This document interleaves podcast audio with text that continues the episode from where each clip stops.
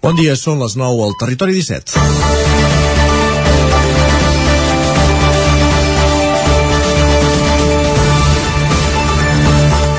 Parlàvem setmanes enrere a l'espai que dediquem un cop al mes als rius i a la natura amb la Bet Font del grup d'anellament de Callatenes, Osona. Al mes de gener ja havien passat per Osona pràcticament el 80% de les cigonyes que tornen cap al nord d'Europa en el que s'anomena la migració nupcial després de passar els mesos més freds a l'Àfrica. Fins que no s'acabi la temporada migratòria no es poden treure conclusions, però sí que pot ser un dels fets que alerten que aquest any, en bona part per les altes temperatures del mes de gener i la falta d'aigua, s'està avançant la primavera. En un reportatge que publicava dilluns al 9-9 se'n poden veure alguns efectes en la floració o senzillament en el baix nivell de l'aigua del cabal del riu Ter. Les imatges anaven acompanyades d'un estudi de la Universitat Autònoma de Barcelona que alerta que la primavera s'avançarà entre 1,2 i 2,2 dies cada dècada. Sense pluja no hi ha nuvolositat, hi ha més radiació solar i les plantes broten abans pensant-se que ja ha arribat la primavera. Això se li afegeix que arran de la sequera els rius cada vegada baixen amb menys aigua, un fet que provoca la desaparició d'espècies animals i l'assecament de la terra. La falta de pluja volem creure que és estacional. Al llarg del temps hi hem vist altres episodis de sequera en què també es podien visitar les restes de l'antiga església de Sau. Això no treu que la primavera avanci al ritme que conclou l'estudi de la UAB ni que creixi la temperatura de la Terra. Els efectes del canvi climàtic són evidents i, tem i fa temps que fem tard a reaccionar. És dimecres, 2 de març del 22. L'endemà de prendre energies amb l'Escudella, Sant Feliu o Castellterçol, comença un nou Territori 17 a la sintonia de la veu de Sant Joan, Ona Codinenca, Ràdio Cardeu, Ràdio Vic, el 9 FM i el 9 TV. Territori 17, amb Isaac Moreno i Jordi Sunyer.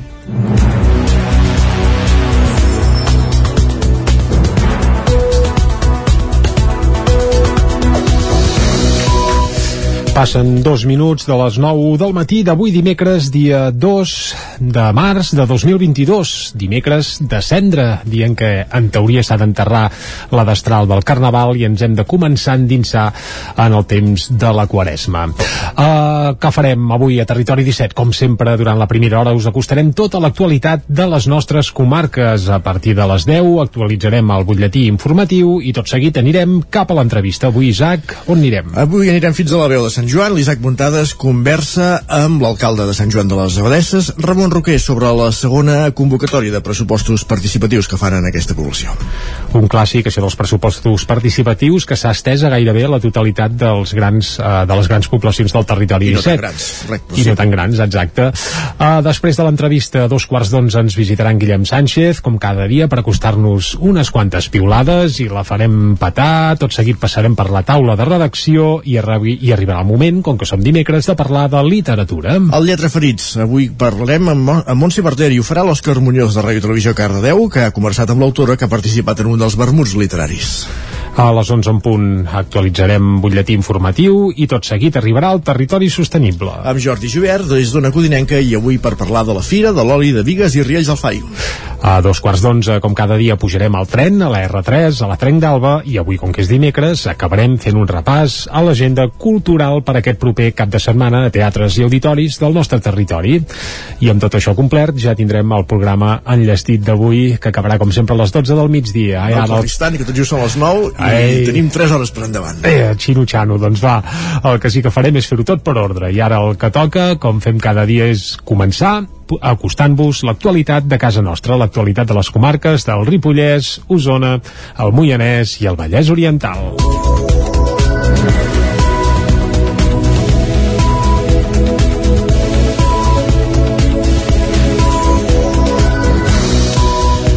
Una botiga de Caldes de Montbui organitza una campanya per recollir tot tipus de material humanitari i portar-lo a Ucraïna. Caral Campàs, des d'Ona Codinenca. La botiga Fusta amb Cor de Caldes, situada al centre històric, ha iniciat una campanya per recollir material humanitari i portar-lo a Ucraïna. Al capdavant del projecte hi ha Ricard Badillo i Alicia Bravo, juntament amb uns amics ucraïnesos de Lliçà de Vall. La iniciativa es va engegar aquest dilluns instant a tothom a través de les xarxes socials que porti material a la botiga Fusta amb Cor. Amb les primeres hores ja hi va haver les primeres donacions. Sentim Alicia Bravo. Nosaltres tenim uns amics ucranians, l'Àlex i la Caterina, que a part de l'amistat que tenim, comercialment col·laborem junts. Sabem tot els que estan passant a Ucrània i volem ajudar a totes aquelles persones que ho estan passant tan malament. Través de l'Àlex i la Caterina sabem que hi ha gent que s'està movent per enviar encerts necessaris per poder col·laborar en tot el que es pugui. Tot això serà enviat cap a Ucrània i moltes gràcies a tots i la veritat que entre tots podem fer una gran ajuda, una miqueta cada un. Entre el material que demanen hi ha menjar, roba tèrmica, llanternes, medicaments, mantes tèrmiques, sacs de dormir i equips de preparació de cuina, entre d'altres productes. La campanya té el suport de l'Ajuntament de Vigues i Riells del FAI que hi col·laborarà recollint material i la intenció és llogar una furgoneta gran i quan estigui plena, Ricard Badillo i el seu amic ucraïnès portaran el material a la frontera entre Polònia i Ucraïna. Més qüestions. Eh, els ajuntaments del Baix Montseny van fer una crida ahir a concentrar-se contra la guerra ucraïna. Des de Cardedeu s'està fent també una recolecta per enviar aliments i medicaments. Núria Lázaro, des de Ràdio Televisió Cardedeu. Núria? La majoria d'ajuntaments s'han adherit a la declaració promoguda per l'Associació Catalana de Municipis per condemnar l'acte militar a Ucraïna. A Cardedeu, més d'un centenar de persones es van manifestar a la plaça de l'Ajuntament demanant la pau i el no a la guerra. Juntament amb l'Associació Barcelonina Sonrises d'Ucrània, s'ha organitzat un enviament de recursos. Durant aquests dies s'han recopilat molts diners però falten aliments bàsics i medicaments. Diferents botigues dels municipis de la comarca estan fent la recollida del material. A Cardedeu es pot portar a la botiga de la Granja a Taula de l'Avinguda Rei en Jaume número 95. L'enviament es farà demà dijous al matí i es necessiten medicaments o primers auxilis com anticremades, venes, guants de goma o analgèsics, antibiòtics o sedants. També roba tèrmica, sobretot samarretes de talles grans i mitjons i menjar conserves en llauna com tonyines, sardines, etc, pasta, arròs, fruits secs, tot envasat en llauna o similar sense vidres. Gràcies, Núria. Com veiem, primeres accions d'ajuda humanitària que es van replicant també a diferents zones del territori 17. Canviem de qüestió. Tanca la històrica Escola El Roser de Sant Julià de Vilatorta. Als últims anys, els centres ja havien perdent alumnes i la pandèmia ha acabat de greujar la situació. El Col·legi El Roser de Sant Julià de Vilatorta tancarà quan s'acabi aquest curs. Així ho va comunicar ahir al vespre el patronat del centre a les famílies. L'escola, amb 125 anys d'història, ofereix educació primària i secundària fins a quart d'ESO, però els últims temps havia anat perdent alumnes, la qual cosa havia derivat en importants pèrdues econòmiques. La pandèmia ha agreujat encara més la situació. Segons el centre, ja s'ha parlat amb el Departament d'Educació de la Generalitat i tots els alumnes empadronats al poble de Sant Julià tindran plaça a l'escola pública Bellpuig, mentre que els estudiants d'ESO podran continuar la seva formació a l'Institut de Call d'Atenes. Els orígens del Roser remunten a finals del segle XIX, quan l'empresari Josep Puig i Cunyer, que era de Breda però estiuejava a Sant Julià, va llegar la seva fortuna a la construcció d'una escola per a nens orfes de 10 a 14 anys.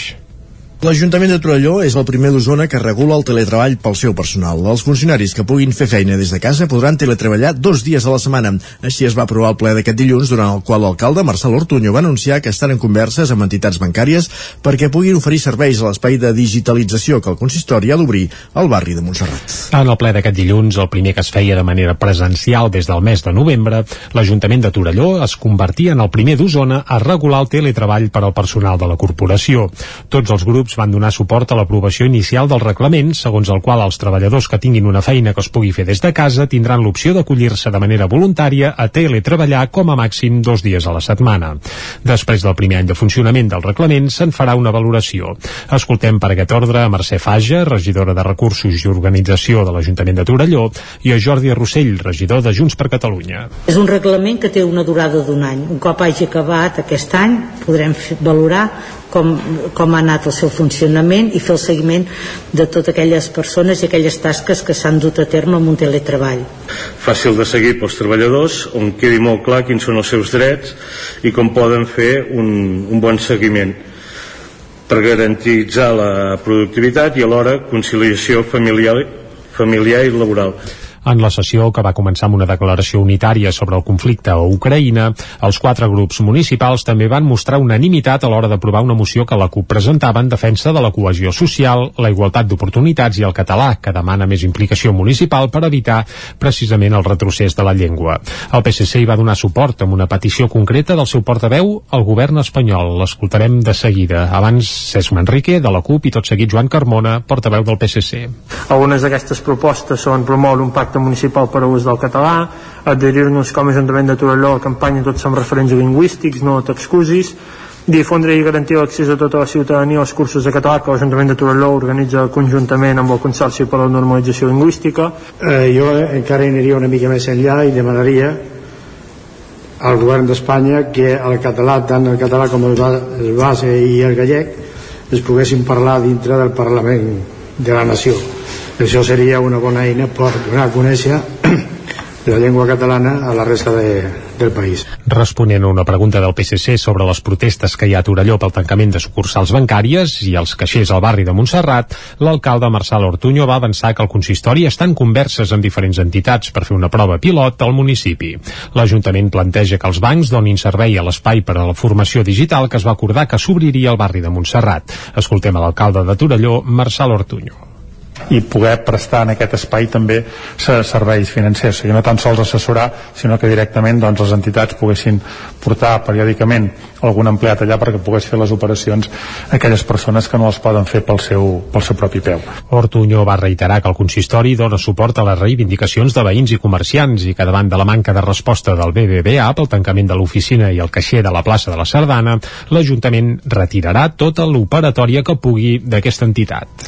L'Ajuntament de Ripoll inaugura l'àrea d'autocaravanes de la Devesa del Pla amb una vintena de noves places. Isaac Muntades, des de la veu de Sant Joan. Aquest dilluns, l'Ajuntament de Ripoll va inaugurar l'àrea d'aparcament i pernoctació per a autocaravanes que s'ha adaptat a la Devesa del Pla just al costat del pont de Calatrava. Aquest és el segon espai per a autocaravanes que s'habilita a la vila després que se'n posés una canguetes l'any 2011. Tot inaugurar-se oficialment dilluns, des de divendres passat ja estava oberta i durant el cap de setmana es va omplir amb una quinzena d'autocaravanes. En total, a l'espai hi ha 20 nous aparcaments per a autocaravanes i furgonetes camper, a banda de les places per a turismes que ja hi havia. Les obres, que han tingut un cost de 84.000 euros provinents de fons propis del pressupost, han consistit a adequar la zona i inclouen serveis com punts d'aigua, de tractament de les aigües negres i enllumenat públic. També s'ha enjardinat la zona i s'ha creat una àrea de pícnic, dues zones on s'ha restringit el pas perquè hi ha de créixer l'herba. Per aparcar a la zona no s'ha de reservar i s'hi poden estar les 24 hores del dia. L'alcalde de Ripoll, Jordi Monell, va dir que interessa potenciar el turisme d'autocaravanes. El turisme en autocaravana és un turisme emergent, un turisme que a més a més doncs, amb l'època aquesta de la pandèmia Covid hem vist doncs, que ha fet un auge importantíssim. Aquests viatges doncs, amb nucli bombolla familiar s'han posat de moda, ja ho eren una mica però ara s'ha multiplicat gairebé doncs, per dos o per tres i per tant hem volgut també doncs, que Ripoll i, per, i la comarca del Ripollès també siguem una destinació friendly, una destinació amigable per a aquest tipus de famílies que viatgen doncs, amb, la, amb la seva casa a sobre no? i que van fent doncs, rutes doncs, un dia aquí, un dia allà, descobrint tot el que podem oferir, patrimoni, cultura, gastronomia, productes quilòmetre zero, muntanyes, esports, activitats... Monell subratllava que Ripoll acull turisme desestacionalitzat de gent provinent de països europeus que gasten als restaurants del municipi, venen a veure el romànic i en definitiva aporten qualitat i donen valor al ripollès. Aquesta zona d'autocaravana ja apareix en les aplicacions dels autocaravanistes que es mouen arreu de Catalunya. De fet, així és com va trobar-la la Sònia, una dona que venia acompanyada de la seva família provinent de Rubí i de la Bisbal de l'Empordà. Ella, juntament amb el seu marit, la mare, la germana i els fills, han llogat una autocaravana per primer cop per uns dies i han passat per Castellà de Nuc o Ripoll. Aquest era el seu tercer dia de ruta i com que no són experts necessitaven assegurar els llocs on pararien i que fossin fàcils de trobar. Així valorava com els hi havia anat. Aquesta vegada hem portat el que preveiem per fer els menjars a la caravana, hem fet alguna parada a algun supermercat si ha fet falta, hem fet vida a la caravana. El que és producte així local, per fer el tast, producte així de proximitat típic, allà on hem anat hem aprofitat i hem adquirit, sí. Molt bé, per anar amb els nens eh, molt còmode i jo crec que repetirem. Bé, volíem llocs que no fossin molt solitaris, que fossin a prop de serveis per si feia falta adquirir algun producte i sobretot que si necessitàvem alguna ajuda doncs ho poguéssim trobar fàcil. A la inauguració també va assistir-hi la regidora de Turisme Manoli Vega i el regidor de Territori i Sostenibilitat Joaquim Colomer. Gràcies, Isaac. Obrim pàgina cultural, perquè l'escenari de l'Espai Rossinyol de Manlleu va acollir dissabte l'estrena d'un concert dramàtic. El primer espectacle d'Arribar i Ploure és el nou projecte de l'actor Ricard Ferrer i l'exbaixista de Charango, el músic usonenc Àlex Pujol, Àlex Pujols. Ha aconseguit que un actor canti i que un músic actui. Amb l'objectiu de sortir tots dos de la zona de confort, l'actor Ricard Ferrer i el músic usonenc Àlex Pujols van impulsar en plena pandèmia pandèmia el projecte Arribar i ploure. Dissabte, a l'escenari de l'Espai Rossinyol de Manlleu, hi van presentar un concert dramàtic, el primer espectacle del grup. Amb una base d'humor, Ferrer i Pujols hi combinen música i teatre. Escoltem a Ricard Ferrer. Hem començat durant la pandèmia a crear tot això, tenim 10 cançons originals, eh, tant de música com, com de lletra, i la nostra intenció és això, podríem dir que la recepta d'Arribar i ploure és aquesta, no? barrejar la música i l'humor i que la gent s'ho pugui passar bé i a més, pues, ara encara ballar no, però més endavant esperem que sí. I què és ben bé arribar i ploure? Doncs ens ho detalla l'Àlex Pujols. Arribar i ploure som Ricard Ferrer i Àlex Pujols. Àlex Pujols. I, I això, i és un, un grup mig de teatre, mig de música, eh, on barregem això, música, humor, i avui presentem el nostre primer espectacle, un concert dramàtic, que és una barreja d'aquests dos ingredients. Ferrer i Pujols van sortir a l'escenari amb els nervis habituals d'una estrena, sobretot l'exbaixista de Charango, que dissabte i amb el pati ple de butaques jugava a casa. Sí, home, sempre hi ha aquells nervis i quan jugues a casa més, però també és això, ja portem molt temps creant-ho i ganes d'estrenar-ho, no? I que vegi la llum després de tota la feina sí, que hem clar. fet, també hi ha moltes ganes. Vull dir que és aquesta, aquests nervis que també són necessaris perquè, per estar concentrat i perquè surti bé. I de bé ja us podem assegurar qui va sortir. I a banda de les dues cançons més conegudes del grup, Xof per tu i Paraules d'Antes, també en van arribar a sonar d'altres, com la dels amors de Tomeu i Angeleta o la vanera del vell Joan Carles. Caldrà seguir-los, arribar i ploure. I a la pàgina esportiva, la jugadora del Club Patí Matlleu Maria Diez arriba a les 500 dianes a l'hoquei Lliga Femenina. Diez ha estat la Pichichi en 8 de les 13 edicions que ha disputat de l'hoquei Lliga Femenina i aquest febrer ha batut un nou rècord. Ha arribat a l'estratosfèrica xifra de 500 gols només a la competició domèstica, sense tenir en compte els que ha marcat amb la selecció catalana i espanyola i a les Copes d'Europa i de la Reina. 117 els va fer amb el seu primer club, l'Igualada, i, el Gran, i el Gran Gruix va arribar amb el Gijón, on va jugar 6 temporades i on va sumar 200 259 dianes. Amb el Martinelli a Manlleu, amb qui està disputant la seva quarta temporada, en porta 124. La jugadora d'hoquei patins Maria Díez es manté als 32 anys com una de les grans davanteres del panorama internacional i ha arribat a registres a l'abast de molt pocs esportistes. Al món de l'hoquei ho han aconseguit només l'ex blaugrana Pablo Álvarez, que té 551 gols i que és el màxim golejador de la història de l'hoquei Lliga, i el jugador del Reus Deportiu Raül Marín, el segon darrere seu, que hi va arribar també aquest mes de febrer. La següent en el rànquing femení és l'asturiana i ex del Voltregà, Natasha Lee, que porta 344 gols. Diez, més coneguda en el món de l'hoquei pel seu sobrenom de Peque, no porta el compte dels seus gols i va saber que havia assolit el nou registre gràcies a dos amics que fa anys que en prenen nota, el delegat del Gijón, Pedro Aval de Blanco, i el president de l'Igualada femení, Jordi Besa. Enguany, la jugadora manlleuenca és tercera a la classificació de màximes golejadores de l'hoquei Lliga, amb 18 gols, 3 menys, Caina Florenza, del Palau i Victòria Porta, del Vilassana, que l'encapçala saben. Per cert, que ahir vespre va jugar el Martinelli a Manlleu, un partit que tenia endarrerit de l'hoquei Lliga Femenina, i Diez no va poder sumar cap més gol al seu ja eh, nombrós llistat. El Manlleu va perdre 0 a 5 precisament contra el Telecable Gijón. Carai, doncs arribats a aquest punt, el que fem és conèixer la previsió meteorològica.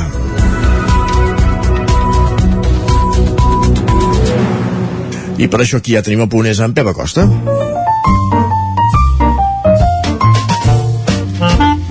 Casa Terradellos us ofereix el temps. Un Pep Acosta que saludem ara mateix. Bon dia, Pep. Hola, molt bon dia. Molt bona hora. Què tal esteu? Eh. Avui ja dimecres a Senda. Correcte. Es va acabant el Carnaval. Uh Mhm. -huh. Ahir vam tenir l'Escudella. Home, home. El poble Sant Feliu. Va ser un, un gran programa, un gran dia. Des de la plaça. Avui ja tot això és història. Ja esperem l'any allà, punyetero. 2023. Estava amagat, eh? On Doncs eres? bé, uh, per fi, per fi tenim una mica més de núvols. Uh, hi ha més núvols, ja bon matí, i les temperatures no són gaire baixes. Uh, com sempre dic, quan hi ha més nuvolositat, és com un llençol, com una manta, i fa que les temperatures no baixin tant. Només hi ha una glaçada, però molt alta, molt alta, molt alta altitud, eh, glaçades eh, ben molt poc importants, i la majoria de temperatures als pobles i ciutats estan entre els 3, 8, 9 graus, eh? per tant, les temperatures eh, que no han baixat gaire i, com sempre dic, és degut a aquesta nuvolositat important que tenim ara mateix sobre nostra. A les pròximes hores, aquests núvols aniran a més i de cara a la tarda pot ploure. Seran quantitats modestes de precipitació, excepte l'àrea del Pirineu, eh, Ripollès i nord d'Osona, on poden caure més de 10 litres. Excel·lent notícia. Uh, però per desgràcia o per, per, per no, perdó, per desgràcia tampoc, no? però per, per mala sort a la resta del territori seran pluges entre 0 i 5 litres si és que arriben a caure vull dir um, que no, no serà ni, ni de bon tos una precipitació molt important les temperatures màximes més baixes la majoria màximes entre els 13-17 graus per tant eh, hi ha poca inversió tèrmica. Ai, perdó, perdó, poca amplitud tèrmica. És a dir, les temperatures màximes i les mínimes seran força semblants, eh? no hi haurà una, eh, una gran, una gran, un gran contest tèrmic entre el dia i la nit. Uh, tenim l'esperança aquesta, eh? tenim l'esperança que avui pugui ploure, sobretot, com dic, cap a la zona del Pirineu, entre 10 i 15 litres, i eh, a la resta del territori plourà entre 0 i 5 eh, menys eh, jo crec que plourà bastants llocs. Veurem què acaba passant perquè és un front atlàntic que es va, es va acostant i crec, crec, crec que la precipitació serà bastant, bastant general a les nostres comarques. Veurem què acaba passant Uh, els vents canviaran una mica de direcció ara són vents molt variables entrarà més vent de nord tot i que no hi haurà cap gatge fort eh? els vents màxims 40-50 km per hora a tot estirar. I això és tot. Demà farem el, el resum d'aquest front, aviam com ha anat, i aviam quines, eh, quines conseqüències ha tingut, que esperem que plogui més del que aplic.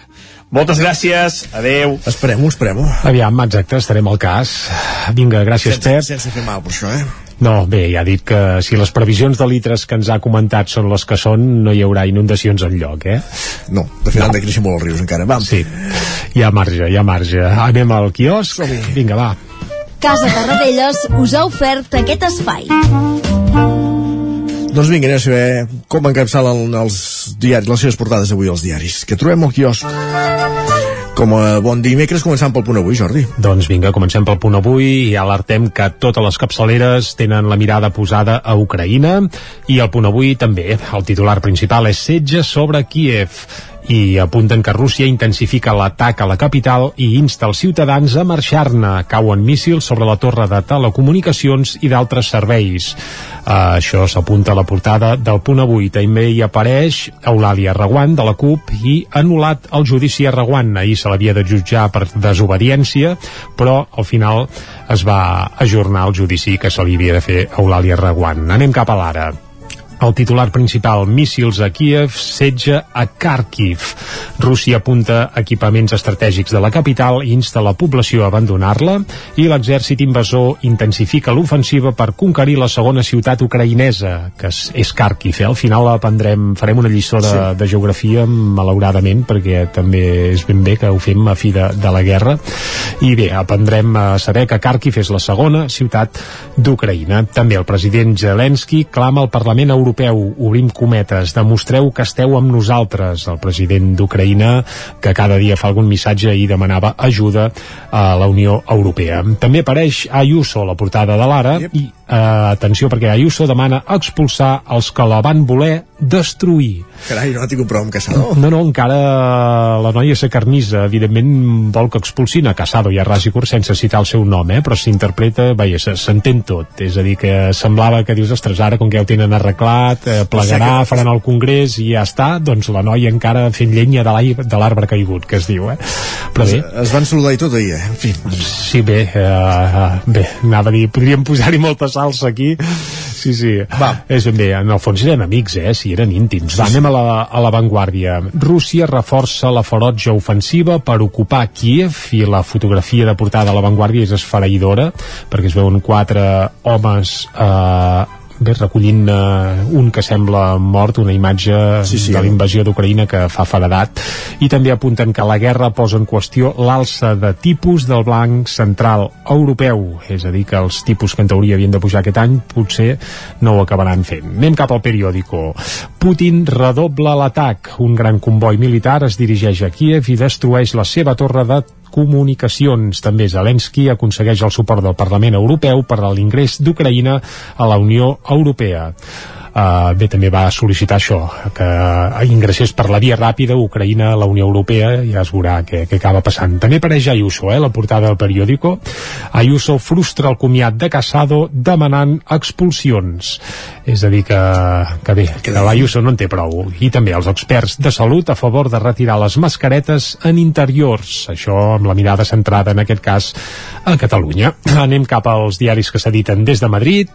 Uh, Ucraïna també uh, apareix a totes les portades. El país, Putin dispara a objectius civils. Les tropes invasores bombardegen infraestructures ucraïneses i zones residencials. Això segons el país. I també hi ha una fotografia en teoria aèria on es veu aquella famosa corrua de tancs que se suposa que estan anant cap a la capital, cap a Kiev, Uh, i bé, cada dia avancen uns quants quilòmetres i sembla que estarien a prop ja d'arribar a la capital. També Ayuso rebenta la crida a la unitat del PP al demanar expulsions, és a dir, que Ayuso també escola a les portades de Madrid amb aquest, bé, amb aquest revés de simpatia cap a Casado. I atenció perquè l'ABC titulen per aquí, eh? I Ucraïna queda en segon pla. La Déu a Casado no aplaca a Ayuso i dic aplaca que és el que posen el verb que posen textualment a l'ABC demana l'expulsió dels que van ordenar espiar-la davant de 400 càrrecs electes del PP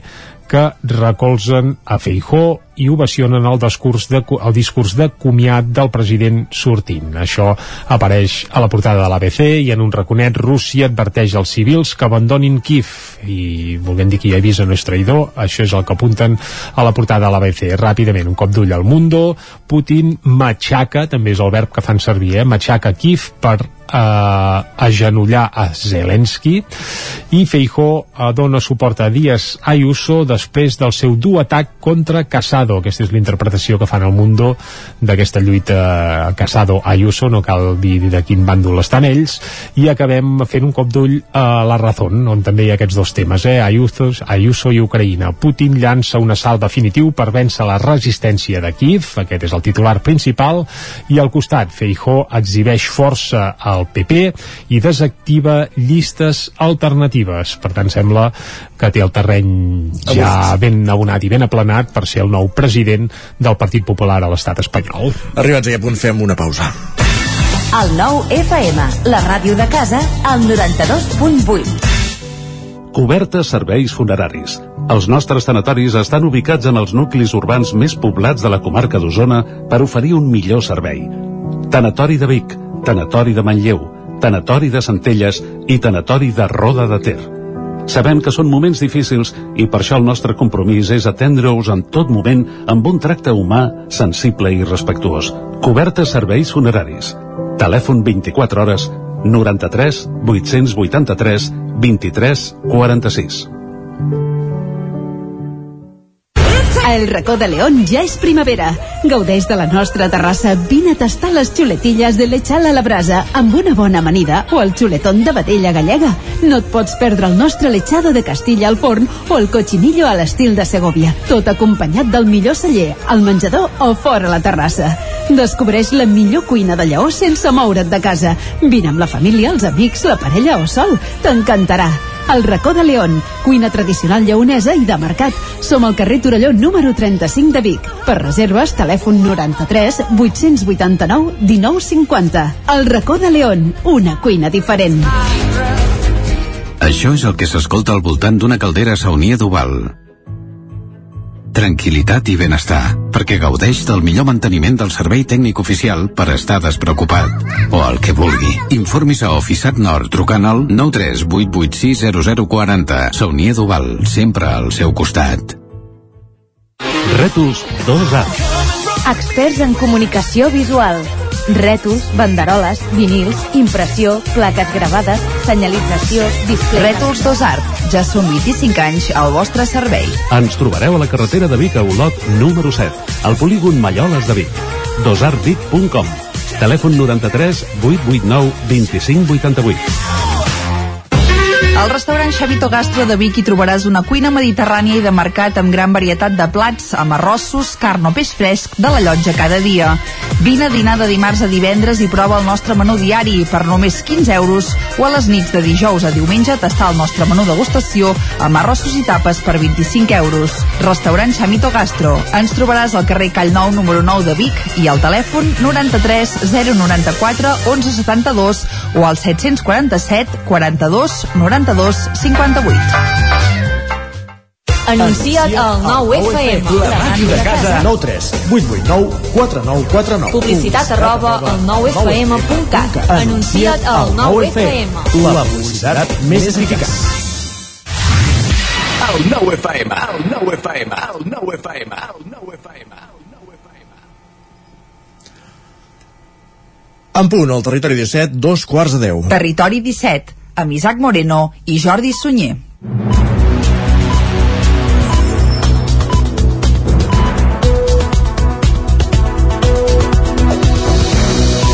I a dos quarts de deu en punt, d'avui dimecres dia 2 de març de 2022, el que toca de seguida és acostar-vos l'actualitat de nou de casa nostra, però abans ja us avancem una mica tot el menú que tindrem fins a les 12 del migdia. Abans de les 10, com cada dia, hi posarem música, avui per estrenar una peça del nou disc de Sau, i més que de Sau hem de dir de Sau 30, i és que precisament eh, aquest matí a les 8 del matí han penjat un videoclip de la cançó que escoltarem avui, que és divertidíssim, perquè clar, eh, diguem que els Sau ja són grans, eh? Tenen, Tenen la seixantena, Sí. però al videoclip apareixen com si tinguéssim ja 80 o 90 anys, allò carn de geriàtric.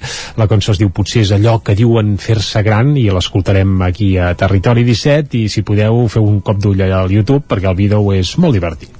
Més coses, va, a les 10 actualitzarem butllet informatiu i a l'entrevista, Isaac, avui anirem cap a Sant Joan de les Abadesses, oi? Exacte, l'Isaac Muntades conversa amb el seu alcalde, amb en Ramon Roquer, sobre la segona convocatòria dels pressupostos participatius. A dos quarts d'onze serà el moment de les piulades, després passarem per la taula de redacció i tot seguit parlarem de literatura. Al Lletra Ferits avui anem fins a Ràdio Televisió Cardedeu amb l'Òscar Muñoz, que conversa amb Montse Barderi, que ha participat en un dels vermuts literaris. A les 11 més informació i tot seguit al territori sostenible. Avui amb Jordi Givert, des d'una codinenca, sobre la Fira de l'Oli de Vigues i Riells del Fai. I acabarem, com fem sempre, la darrera mitja hora pujant a la R3, a la Trenc d'Alba, pujant al tren, i avui acabarem fent un repàs a l'agenda cultural per aquest proper cap de setmana. Correcte, en connexió amb les diferents emissores que formen el territori 17. I ja està, ja ho tenim tot controlat, per tant el que hem Ja de fer és seguir. No, no, no, no ens deixeu, us farem companyia fins a les 12 del migdia i ara el que toca és acostar-vos de nou l'actualitat de casa nostra, ja ho sabeu, l'actualitat de les comarques del Ripollès, Osona, el Moianès i el Vallès Oriental. Una botiga de Caldes de Montbui organitza una campanya per recollir tot tipus de material humanitari i portar-lo a Ucraïna. Caral Campàs, des d'Ona Codinenca. La botiga Fusta amb Cor de Caldes, situada al centre històric, ha iniciat una campanya per recollir material humanitari i portar-lo a Ucraïna. Al capdavant del projecte hi ha Ricard Badillo i Alicia Bravo, juntament amb uns amics ucraïnesos de Lliçà de Vall. La iniciativa es va engegar aquest dilluns instant a tothom a través de les xarxes socials que porti material a la botiga Fusta amb Cor. Amb les primeres hores ja hi va haver les primeres donacions. Sentim Alicia Bravo. Nosaltres tenim uns amics ucranians, l'Àlex i la Caterina, que a part de l'amistat que tenim, comercialment col·laborem junts. Sabem tots els que estan passant a Ucrània i volem ajudar a totes aquelles persones que ho estan passant tan malament. A través de l'Àlex i la Caterina sabem que hi ha gent que s'està movent per enviar encerts necessaris per poder col·laborar en tot el que es pugui. Tot això serà enviat cap a Ucrània i moltes gràcies a tots i la veritat que entre tots podem fer una gran ajuda, una miqueta cada un. Entre el material que demanen hi ha menjar, roba tèrmica, llanternes, medicaments, mantes tèrmiques, sacs de dormir i equips de preparació de cuina, entre d'altres productes. La campanya té el suport de l'Ajuntament de Vigues i Riells del FAI, que hi col·laborarà recollint material i la intenció és llogar una furgoneta gran i quan estigui plena, Ricard Badillo i el seu amic ucraïnès portaran el material a la frontera entre Polònia i Ucraïna. Més qüestions. Eh, els ajuntaments del Baix Montseny van fer una crida ahir a concentrar-se contra la guerra Ucraïna. Des de Cardedeu s'està fent també una recolecta per enviar aliments i medicaments. Núria Lázaro, des de Ràdio Televisió Cardedeu. Núria? La majoria d'ajuntaments s'han adherit a la declaració promoguda per l'Associació Catalana de Municipis per condemnar l'acte militar a Ucraïna. A Cardedeu, més d'un centenar de persones es van manifestar a la plaça de l'Ajuntament demanant la pau i el no a la guerra. Juntament amb l'associació barcelonina Sonrises d'Ucrània, s'ha organitzat un enviament de recursos. Durant aquests dies s'han recopilat molts diners però falten aliments bàsics i medicaments. Diferents botigues dels municipis de la comarca estan fent la recollida del material. A Cardedeu es pot portar a la botiga de la Granja a Taula de l'Avinguda Rei en Jaume número 95.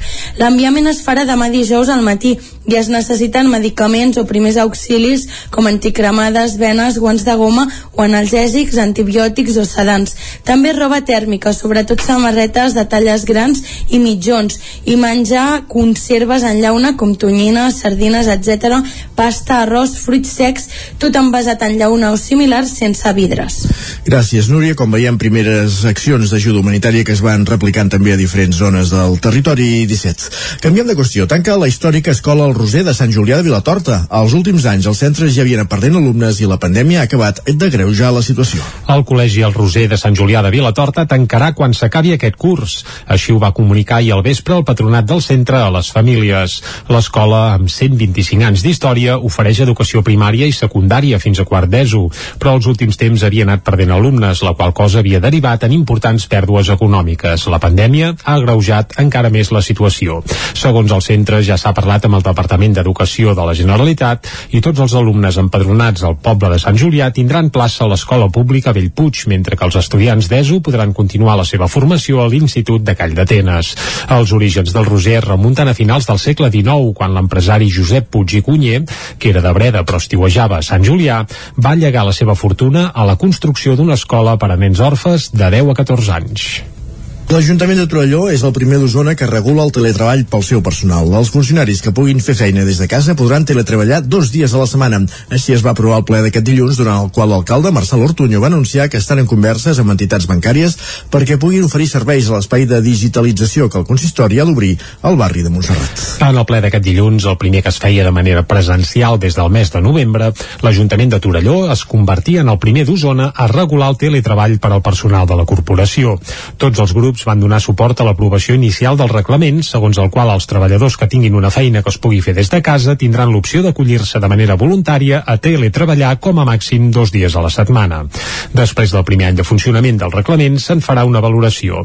Escoltem per aquest ordre a Mercè Faja, regidora de Recursos i Organització de l'Ajuntament de Torelló, i a Jordi Rossell, regidor de Junts per Catalunya. És un reglament que té una durada d'un any. Un cop hagi acabat aquest any, podrem valorar com, com ha anat el seu funcionament i fer el seguiment de totes aquelles persones i aquelles tasques que s'han dut a terme amb un teletreball.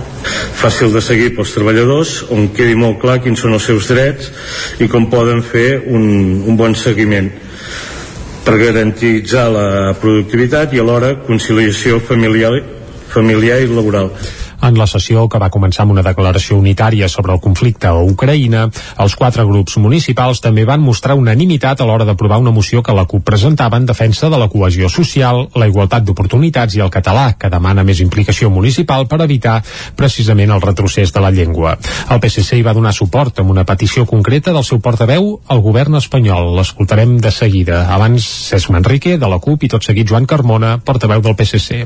Algunes d'aquestes propostes són promoure un pacte pacte municipal per a ús del català, adherir-nos com a Ajuntament de Torelló a campanya Tots som referents lingüístics, no t'excusis, difondre i garantir l'accés a tota la ciutadania als cursos de català que l'Ajuntament de Torelló organitza conjuntament amb el Consorci per a la Normalització Lingüística. Eh, jo encara aniria una mica més enllà i demanaria al govern d'Espanya que el català, tant el català com el base i el gallec, es poguessin parlar dintre del Parlament de la nació.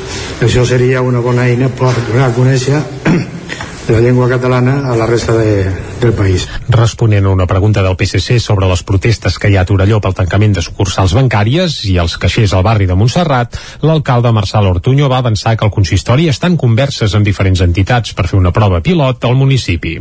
L'Ajuntament planteja que els bancs donin servei a l'espai per a la formació digital que es va acordar que s'obriria al barri de Montserrat. Escoltem a l'alcalde de Torelló, Marçal Ortuño i poder prestar en aquest espai també serveis financers, o sigui, no tan sols assessorar, sinó que directament doncs, les entitats poguessin portar periòdicament algun empleat allà perquè pogués fer les operacions a aquelles persones que no les poden fer pel seu, pel seu propi peu. Ortuño va reiterar que el consistori dona suport a les reivindicacions de veïns i comerciants i que davant de la manca de resposta del BBVA pel tancament de l'oficina i el caixer de la plaça de la Sardana, l'Ajuntament retirarà tota l'operatòria que pugui d'aquesta entitat.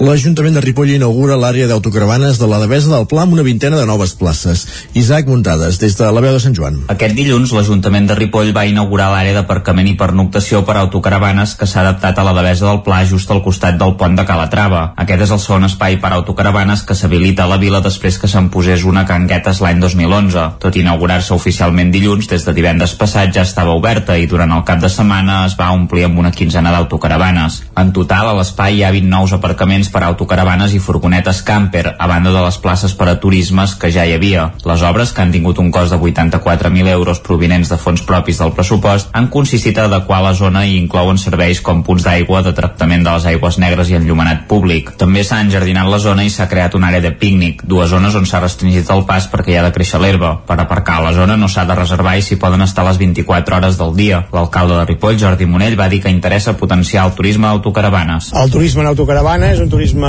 emergent, un turisme que a més a més doncs, amb l'època aquesta de la pandèmia Covid hem vist doncs, que ha fet un auge importantíssim. Aquests viatges doncs, amb nucli bombolla familiar s'han posat de moda, ja ho eren una mica, però ara s'ha multiplicat gairebé doncs, per dos o per tres, i per tant hem volgut també doncs, que Ripoll i, per, i la comarca del Ripollès també siguem una destinació friendly, una destinació amigable per a aquest tipus de famílies que viatgen doncs, amb, la, amb la seva casa a sobre, no? i que van fent doncs, rutes doncs, un dia aquí, un dia allà, descobrint tot el que podem oferir, patrimoni, cultura, gastronomia, productes quilòmetre zero, muntanyes, esports, activitats... Monell subratllava que Ripoll acull turisme desestacionalitzat de gent provinent de països europeus que gasten als restaurants del municipi, venen a veure el romànic i en definitiva aporten qualitat i donen valor al Ripollès. Aquesta zona d'autocaravana ja apareix en les aplicacions dels autocaravanistes que es mouen arreu de Catalunya. De fet, així és com va trobar-la la Sònia, una dona que venia acompanyada de la seva família provinent de Rubí i de la Bisbal de l'Empordà. Ella, juntament amb el seu marit, la mare, la germana i els fills, han llogat una autocaravana per primer cop per uns dies i han passat per Castellà de Nuc o Ripoll.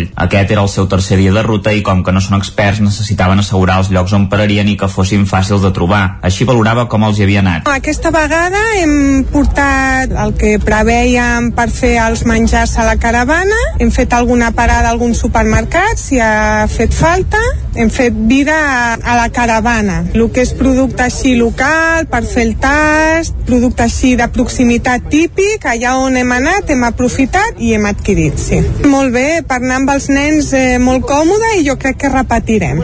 Bé, volíem llocs que no fossin molt solitaris, que fossin a prop de serveis per si feia falta adquirir algun producte i sobretot que si necessitàvem alguna ajuda doncs ho poguéssim trobar fàcil. A la inauguració també va assistir-hi la regidora de Turisme Manoli Vega i el regidor de Territori i Sostenibilitat Joaquim Colomer. Gràcies, Isaac. Obrim pàgina cultural, perquè l'escenari de l'Espai Rossinyol de Manlleu va acollir dissabte l'estrena d'un concert dramàtic. El primer espectacle d'Arribar i ploure és el nou projecte de l'actor Ricard Ferrer i l'exbaixista de Charango, el músic usonenc Àlex Pujol, Àlex Pujols. Ha aconseguit que un actor canti i que un músic actui. Amb l'objectiu de sortir tots dos de la zona de confort, l'actor Ricard Ferrer i el músic usonenc Àlex Pujols van impulsar en plena pandèmia el projecte Arribar i ploure. Dissabte, a l'escenari de l'Espai Rossinyol de Manlleu, hi van presentar un concert dramàtic, el primer espectacle del grup. Amb una base d'humor, Ferrer i Pujols hi combinen música i teatre. Escoltem a Ricard Ferrer. Vam començar durant la pandèmia a crear tot això, tenim 10 cançons originals, eh, tant de música com, com de lletra, i la nostra intenció és això, podríem dir que la recepta d'arribar a ploure és aquesta, no? barrejar la música i l'humor i que la gent s'ho pugui passar bé i a més, pues, ara encara ballar no, però més endavant esperem que sí. I què és ben bé arribar i ploure? Doncs ens ho detalla l'Àlex Pujols. Arribar i ploure som Ricard Ferrer i Àlex Pujols. Àlex Pujols. I, I això, i és un, un grup mig de teatre, mig de música, eh, on barregem això, música, humor, i avui presentem el nostre primer espectacle, un concert dramàtic, que és una barreja d'aquests dos ingredients. Ferrer i Pujols van sortir a l'escenari amb els nervis habituals d'una estrena, sobretot l'exbaixista de Charango, que dissabte i amb el pati ple de butaques jugava a casa. Sí, home, sempre hi ha aquells nervis i quan jugues a casa més, però també és això, ja portem molt temps creant-ho i ganes d'estrenar-ho, no? I que vegi la llum després de tota la feina sí, que hem clar. fet, també hi ha moltes ganes. Vull dir que és aquesta, aquests nervis que també són necessaris perquè, per estar concentrat i perquè surti bé. I de bé ja us podem assegurar qui va sortir. I a banda de les dues cançons més conegudes del grup, Xof per tu i Paraules d'Antes, també en van arribar a sonar d'altres, com la dels amors de Tomeu i Angeleta o la vanera del vell Joan Carles. Caldrà seguir-los, arribar i ploure. I a la pàgina esportiva, la jugadora del Club Patí Matlleu Maria Diez arriba a les 500 dianes a l'hoquei Lliga Femenina. Diez ha estat la Pichichi en 8 de les 13 edicions que ha disputat de l'hoquei Lliga Femenina i aquest febrer ha batut un nou rècord. Ha arribat a l'estratosfèrica xifra de 500 gols només a la competició domèstica, sense tenir en compte els que ha marcat amb la selecció catalana i espanyola i a les Copes d'Europa i de la Reina. 117 els va fer amb el seu primer club, l'Igualada i, el Gran, i el Gran Gruix. Va arribar amb el Gijón, on va jugar 6 temporades i on va sumar 200 259 dianes. Amb el Martinelli a Manlleu, amb qui està disputant la seva quarta temporada, en porta 124. La jugadora d'hoquei patins Maria Díez es manté als 32 anys com una de les grans davanteres del panorama internacional i ha arribat a registres a l'abast de molt pocs esportistes.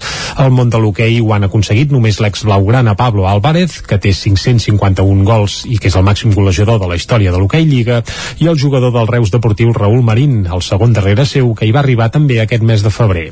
La següent en el rànquing femení és l'asturiana i ex del Voltregà, Natasha Lee, que porta 344 gols.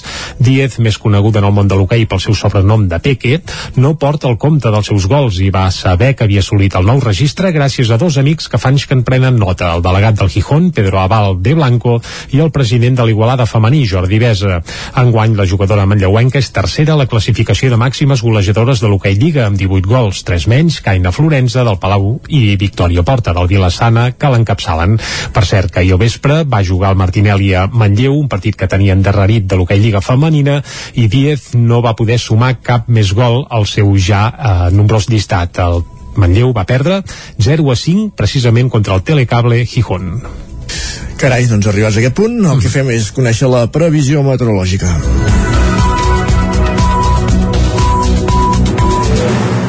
I per això aquí ja tenim a punt és en Pep Acosta.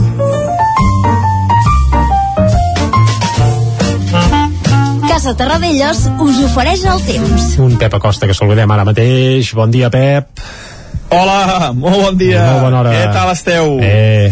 Avui ja dimecres a Senda. Correcte. Es va acabar el Carnaval. Mhm. -huh. Ahir vam tenir l'Escudella. Home, home. El poble Sant Feliu. Va ser un, un gran programa, un gran dia. Des de la plaça. Avui ja tot això és història. Ja esperem l'any 2023. Estava amagat, eh? On Doncs bé, eres? uh, per fi, per fi tenim una mica més de núvols. Uh, hi ha més núvols, hi ha bon matí, i les temperatures no són gaire baixes. Uh, com sempre dic, quan hi ha més nuvolositat, és com un llençol, com una manta, i fa que les temperatures no baixin tant. Només hi ha una glaçada, però molt alta, molt alta, molt alta altitud, eh, glaçades eh, ben molt poc importants, i la majoria de temperatures als pobles i ciutats estan entre els 3, 8, 9 graus, eh? per tant unes temperatures eh, que no han baixat gaire i com sempre dic és degut a aquesta nuvolositat important que tenim ara mateix sobre nostra. A les pròximes hores aquests núvols aniran a més i de cara a la tarda pot ploure. Seran quantitats modestes de precipitació excepte l'àrea del Pirineu, eh, Ripollès i nord d'Osona on poden caure més de 10 litres. Excel·lent notícia. Uh, però per desgràcia o per, per, per no, perdó, per desgràcia tampoc, no? però per, per mala sort a la resta del territori seran pluges entre 0 i 5 litres si és que arriben a caure vull dir um, que no, no serà ni, ni de bon tros una precipitació molt important les temperatures màximes més baixes la majoria màximes entre els 13-17 graus per tant eh, hi ha poca inversió tèrmica ai, perdó, perdó, poca amplitud tèrmica és a dir, les temperatures màximes i les mínimes seran força semblants, eh? no hi haurà una, eh, una gran, una gran, un gran contest tèrmic entre el dia i la nit. Uh, tenim l'esperança aquesta, eh? tenim l'esperança que avui pugui ploure, sobretot, com dic, cap a zona del Pirineu, entre 10 i 15 litres, i eh, a la resta del territori plourà entre 0 i 5 eh, menys. Eh, jo crec que plourà bastants llocs. Veurem què acaba passant perquè és un front atlàntic que es va, es va acostant i crec, crec, crec que la precipitació serà bastant bastant general a les nostres comarques. Veurem què acaba passant Uh, els vents canviaran una mica de direcció. Ara són vents molt variables entrarà més vent de nord tot i que no hi haurà cap gatge fort eh? els vents màxims 40-50 km per hora a tot estirar. I això és tot. Demà farem el, el resum d'aquest front. Aviam com ha anat i aviam quines uh, quines conseqüències ha tingut que esperem que plogui més del que predic moltes gràcies, adeu. Esperem-ho, esperem-ho. Aviam, exacte, estarem al cas. Vinga, gràcies, sense, Pep. Sense fer mal per això, eh? No, bé, ja ha dit que si les previsions de litres que ens ha comentat són les que són, no hi haurà inundacions en lloc, eh? No, de fet no. han de créixer molt els rius encara, va. Sí, hi ha marge, hi ha marge. Anem al quiosc? Vinga, va. Casa Tarradellas us ha ofert aquest espai. Doncs vinga, anem a saber com encapçalen els diaris, les seves portades avui als diaris. Que trobem al quiosc. Com a bon dimecres, començant pel punt avui, Jordi. Doncs vinga, comencem pel punt avui i alertem que totes les capçaleres tenen la mirada posada a Ucraïna i el punt avui també. El titular principal és setge sobre Kiev i apunten que Rússia intensifica l'atac a la capital i insta els ciutadans a marxar-ne. Cauen míssils sobre la torre de telecomunicacions i d'altres serveis. Uh, això s'apunta a la portada del punt avui. També hi apareix Eulàlia Reguant de la CUP i anul·lat el judici a Reguant. Ahir se l'havia de jutjar per desobediència, però al final es va ajornar el judici que se li havia de fer a Eulàlia Reguant. Anem cap a l'ara. El titular principal, míssils a Kiev, setge a Kharkiv. Rússia apunta equipaments estratègics de la capital i insta la població a abandonar-la i l'exèrcit invasor intensifica l'ofensiva per conquerir la segona ciutat ucraïnesa, que és, Kharkiv. Eh? Al final aprendrem, farem una lliçó de, sí. de geografia, malauradament, perquè també és ben bé que ho fem a fi de, de la guerra. I bé, aprendrem a saber que Kharkiv és la segona ciutat d'Ucraïna. També el president Zelensky clama al Parlament Europeu europeu, obrim cometes, demostreu que esteu amb nosaltres. El president d'Ucraïna, que cada dia fa algun missatge i demanava ajuda a la Unió Europea. També apareix Ayuso a la portada de l'Ara yep. i eh, atenció perquè Ayuso demana expulsar els que la van voler destruir. Carai, no tinc un prou amb Casado. No, no, encara la noia se carnissa, evidentment vol que expulsin a Casado i a Ras i Curt sense citar el seu nom, eh? però s'interpreta, veia, s'entén tot. És a dir, que semblava que dius, ostres, ara com que ja ho tenen arreglat, eh, plegarà, faran el congrés i ja està, doncs la noia encara fent llenya de l'arbre caigut, que es diu, eh? Però bé, es van saludar i tot ahir, eh? En fi. Sí, bé, eh, bé, anava a dir, podríem posar-hi molta salsa aquí. Sí, sí. Va. És bé, en el fons eren amics, eh? Sí, eren íntims. Va, anem a la, a la Vanguardia. Rússia reforça la ferotge ofensiva per ocupar Kiev i la fotografia de portada a la Vanguardia és esfereïdora perquè es veuen quatre homes eh, bé, recollint uh, un que sembla mort, una imatge sí, sí, de la invasió d'Ucraïna que fa faradat i també apunten que la guerra posa en qüestió l'alça de tipus del blanc central europeu és a dir que els tipus que en teoria havien de pujar aquest any potser no ho acabaran fent. Anem cap al periòdico.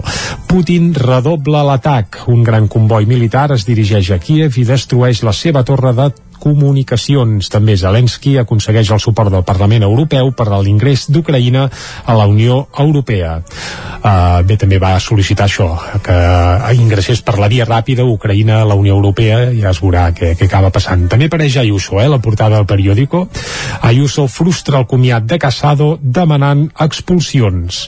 És a dir, que, que bé, que de l'Ayuso no en té prou. I també els experts de salut a favor de retirar les mascaretes en interiors. Això amb la mirada centrada en aquest cas a Catalunya. Anem cap als diaris que s'editen des de Madrid.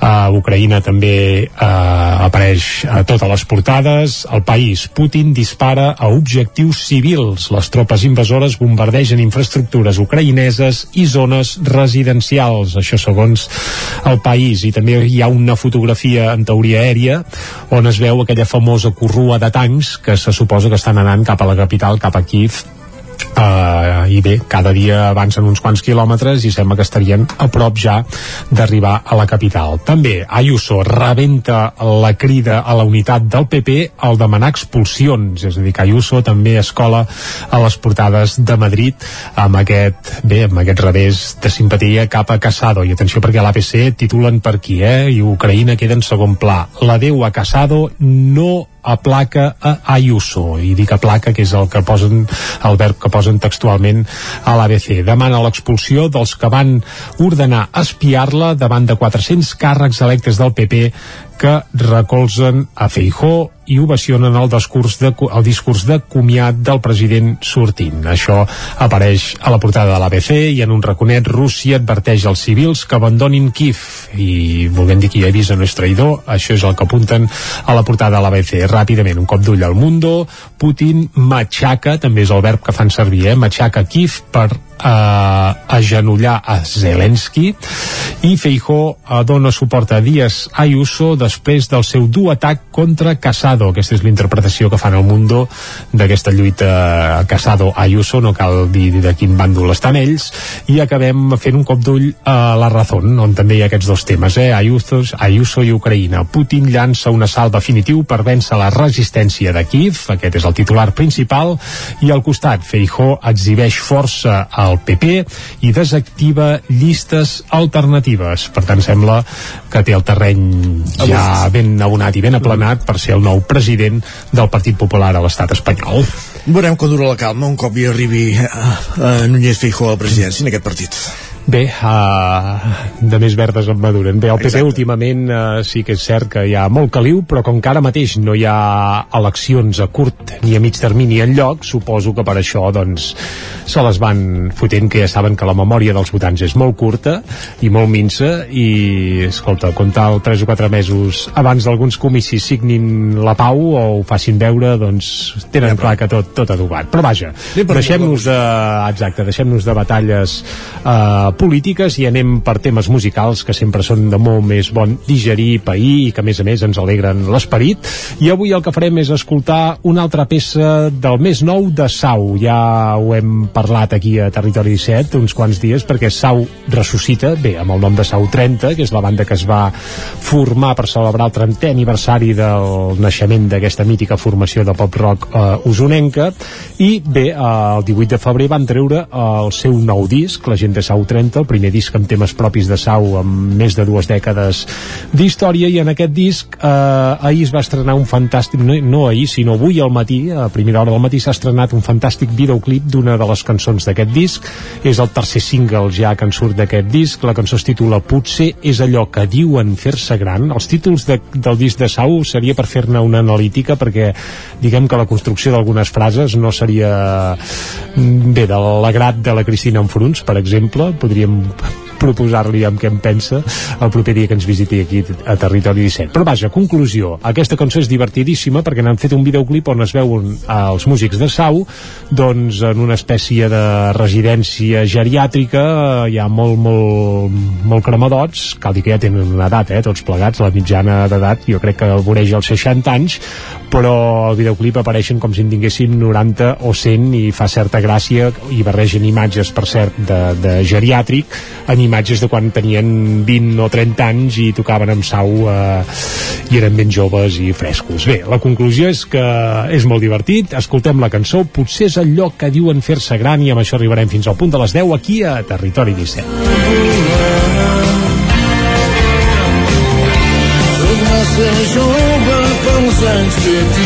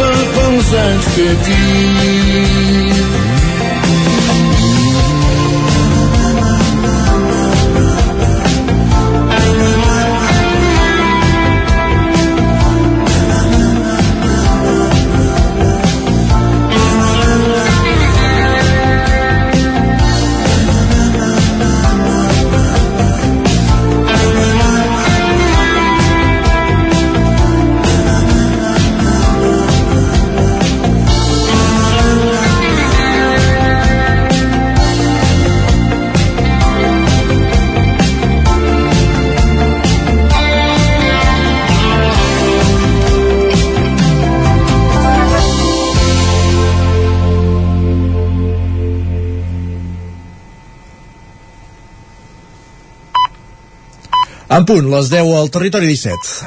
Territori 17.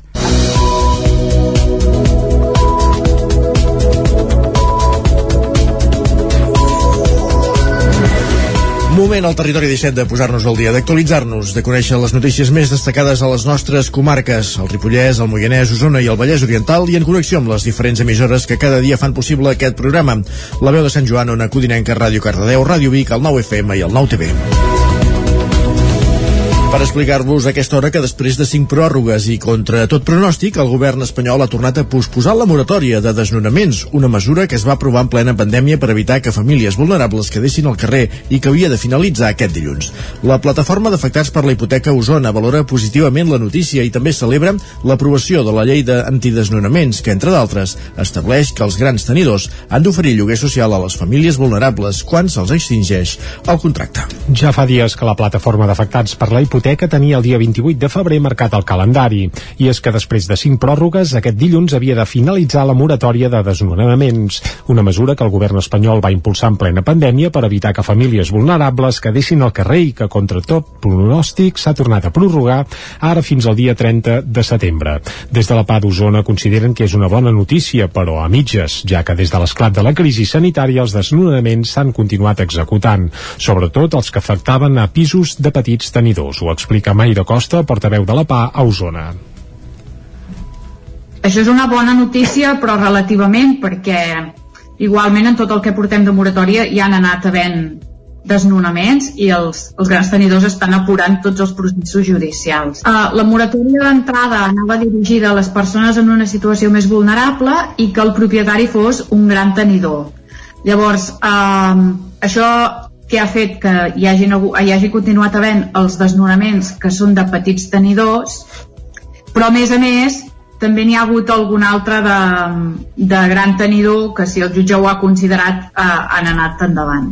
Des de la PA d'Osona també celebren l'aprovació al Parlament de Catalunya de la llei antidesnonaments, un decret que es va aprovar la setmana passada amb els vots a favor del PSC, Esquerra, Junts, la CUP i els Comuns i que preveu que abans d'iniciar-se un desnonament els grans tenidors hagin d'oferir un lloguer social a les famílies. Ho detalla Víctor Domínguez de la PA d'Osona. Sí que hem guanyat aquests passos, sobretot amb el tema de grans tenidors, que és l'obligació de cedir pisos buits que a través dels ajuntaments es normalitzarà el tema per fer-ho servir com a mesa d'emergències des de la PA d'Osona també demanen als ajuntaments que es posin les piles per oferir pisos de lloguer a preus assequibles i també pisos d'emergència social.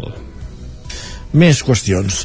Olós serà un dels pobles beneficiats properament per la construcció de la variant de Sagàs que ha de completar l'eix del Lluçanès. Darrerament, però, la circulació en aquesta via ha tornat a estar en, bona, en boca de tothom per culpa de l'accident mortal produït el passat 19 de febrer. En una entrevista al programa Anglo Obert del Nou TV, l'alcalde d'Olós, Josep Maria Freixenet, exposa la preocupació per l'estat de la carretera. Freixenet assegura que a l'eix del Lluçanès li falta un reasfaltament i li manca senyalització. Escoltem a Josep Maria Freixenet. Aquests dies doncs, algú també ens està dient que les entrades i sortides dels municipis són relativament perilloses. Probablement sí. Afortunadament, de moment, potser hi ha hagut ensurts, però no hi ha hagut accidents. Personalment he traslladat el, ja fa temps, eh? vull dir, el, el director territorial, el senyor Massagú, li vaig traslladar aquesta problemàtica i crec que també ho han fet la resta d'alcaldes. Es va traslladar amb una reunió al Consorci i la delegada del govern també, Eh, per tant, esperem que ben aviat això es pugui resoldre. L'alcalde d'Olors també va reiterar el missatge que a Catalunya hi ha massa administracions i això pot provar, provocar, volem dir, duplicitats i poca eficiència d'algunes organitzacions. En el cas del Consorci del Lluçanès pensa que és millorable. L'escoltem. El Consorci, i jo crec, i aprofito avui la vida entesa que estic aquí, eh, jo penso que eh, necessita millorar. Eh, això no vol dir que amb amb l'estructura política eh, en aquests moments hi hagi prou una unitat d'acció prou important però segurament eh, eh, haurem de veure quines són aquelles duplicitats que són prescindibles pel territori.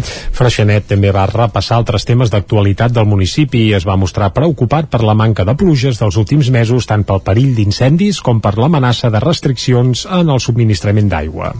Més qüestions, anem fins al Ripollès. Dos joves de 20 anys detinguts després d'haver robat a set cotxes aparcats a l'estació del Cremallera de Vall de Núria, a Ribes. Isaac Muntades, des de la veu de Sant Joan.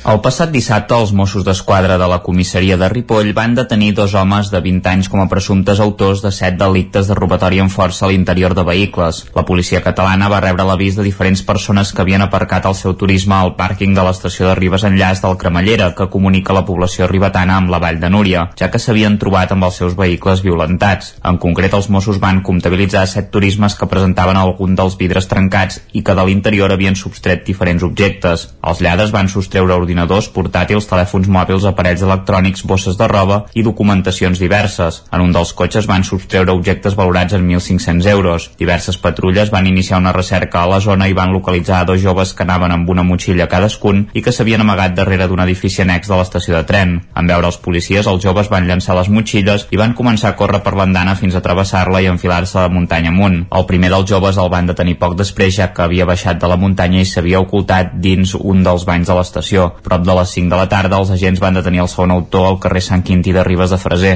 Els Mossos van recuperar els objectes i van tornar-los als seus propietaris. Els dos joves detinguts, que tenien antecedents, van passar el dia 27 de febrer a disposició del jutjat d'instrucció en funcions de guàrdia de Ripoll, el qual va decretar-ne la llibertat amb càrrecs. Per altra banda, el passat cap de setmana la policia local de Ripoll va realitzar una nova patrulla nocturna amb la presència de la unitat canina. La matinada del dissabte a diumenge, dos quarts de 12 a dos quarts de dues, es va realitzar un control a la rotonda d'entrada sud a la població, a la intersecció de la C-17 amb la C-26. En total, es van aturar 15 vehicles i es van aixecar 4 actes de sanció governativa per tinença il·lícita de substàncies estupefaents i una més per tinença d'arma blanca al cotxe. També es va detectar un positiu per alcoholèmia i un positiu per drogues a la conducció, a més de dues denúncies per manca de l'ITB i una per conduir amb els llums davanters del turisme trencats. Des de dos quarts de dues fins a dos quarts de quatre es van efectuar patrulles a peu pel centre de la vila pel control de la zona d'oci nocturn. Es van aixecar dues actes més per tinença de substàncies a la via pública.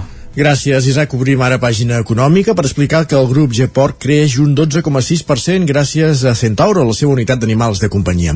El grup usonenc de distribució veterinària i genètica porcina va facturar 77,8 milions l'any passat. El grup Geport va tancar el 2021 amb una facturació de 77,8 milions d'euros, una xifra que suposa un creixement del 12,6% respecte al 2020. El creixement més notori va venir de la unitat de negoci Centauro, dedicada als animals de companyia. El sector dels petits animals i la indústria veterinària no s'ha vist afectat per la pandèmia, asseguren des del grup usonenc, que afegeixen que en els darrers 10 anys l'índex de mascotes per llar ha crescut un 20% a tot l'estat. Tot i que moltes vegades encara s'associa Geporc a la genètica porcina, gran part del seu negoci actual és en els animals de companyia a través de Centauro, una divisió que enguany ja arriba al 30è aniversari. Aquesta unitat va sorgir de la necessitat latent al mercat d'obtenir medicaments i altres tipus de productes per a mascotes. Actualment, i segons les dades de la plataforma estatista, la despesa mitjana anual per mascota a l'Estat és de 700 euros. D'altra banda, la pandèmia ha accentuat l'adquisició i adopció d'animals domèstics i el 2020 s'havien registrat a tot l'Estat 6,7 milions de gossos, ocupant així el setè lloc de la classificació europea. Nascut l'any 1979, el grup G-Porc es va dedicar inicialment a la inseminació artificial porcina. La seva vocació a orientar-se en el servei al client el va portar a especialitzar-se en una segona línia de negoci negoci, la de Centauro. L'any 2005, amb l'ampliació de la gamma de serveis, va néixer Bionet, una empresa relacionada amb les tres àrees principals de bioseguretat, control de plagues, gestió de residus i laboratori d'anàlisi especialitzada. D'altra banda, el grup Geport ja té pràcticament enllestit el nou magatzem logístic al polígon La Ronda de Gurb, al peu de l'eix transversal i la C-17. Aquest nou magatzem està equipat amb tecnologia robotitzada, cosa que permetrà treballar de manera autònoma en la distribució, logística i mecanització de tots els processos. Ahir hi érem, ja ho vau sentir, però vam arribar al punt del migdia quan centenars de persones recollien el caldo de la festa de l'Escudella de Sant Feliu de Codines en la seva primera edició després de la pausa per la pandèmia. Caral Campàs, des d'Ona Codinenca. Sí, des de ben d'hora ahir les olles fumejaven a la plaça Josep Humbert Ventura per preparar l'esperada escudella de Carnestoltes. Com bé deies, des del territori de Set us ho vam explicar de primera mà i una de les qüestions destacades d'enguany és el relleu generacional de l'entitat organitzadora. Fa 20 anys que la festa era organitzada pels sense estovalles, però ara els amics de l'Escudella són els que preparen el caldo. En parlava Joan Vilanova, un dels cuiners més històrics de la festa de l'Escudella, ahir al territori 17. Els hi han passat tot molt, eh? Tota la documentació, tot el... Quan nosaltres ho vam agafar, no teníem cap fórmula de l'escudella. En 15 dies vaig començar a fer escudella, combinacions, i ara estan fent l'escudella que en el seu dia vaig, vaig dissenyar. Les vuit olles que habitualment s'utilitzen per coure el caldo són cedides des de masies de la zona. Enguany, dos integrants dels Sense Estovalles han cedit dues olles a l'Ajuntament per assegurar el manteniment de la festa al llarg del temps. També en parlava Dani Fonoll, regidor de festes. Els, els Sense Estovalles les han regalat a l'Ajuntament perquè es pugui seguir fent la festa. Les que són, porten, són eh, compactes, és a dir, es posa el foc a sota, l'olla va a sobre i a la xumereia, i llavors vull dir, van rodes i la pots moure cap a on vulguis. Les altres són olles simples que van sobre d'una plataforma que s'han de posar i després es desmunta. Aquesta, aquest és el kit sencer. Enguany, la festa, que celebrava 233 anys d'existència, va generar centenars de metres de cua de persones que van passar a dinar a la plaça o emportar-se la seva olla per menjar-se a la casa i de fons encara sentíem la fresa del compressor que desembussava la font i que ens va acompanyar durant bona estona d'aquest directe d'ahir. Més qüestions. L'agrupació sardanista Cardedeu homenatge en Salo al Teatre Auditori de Cardedeu. La 31a edició del Febrer Musical va ser un concert audició molt especial dedicat a Gonçal Soler i Hernández amb l'acompanyament de la Copla Montgrins. Núria Lázaro, des de Ràdio Televisió, Cardedeu. El Teatre Auditori Cardedeu va ser l'escenari aquest diumenge d'un Febrer Musical molt especial i emotiu d'homenatge a en Salo, en Gonçal Soler i Hernández, persona dedicada i apassionada per la cultura sardanística i organitzador i impulsor del Febrer Musical durant 30 edicions a Cardedeu. Cada any en Salo era la persona que decidia qui eren els compositors homenatjats. En aquesta ocasió, l'homenatjat per l'agrupació sardanista Cardedeu ha estat ell. Cada peça musical interpretada per la Copla Orquestra Montgrins, considerada una de les més prestigioses del país, es va acompanyar de la projecció d'imatges d'en Salo i la seva relació amb el món sardanista i amb la cultura popular cardedeuenca.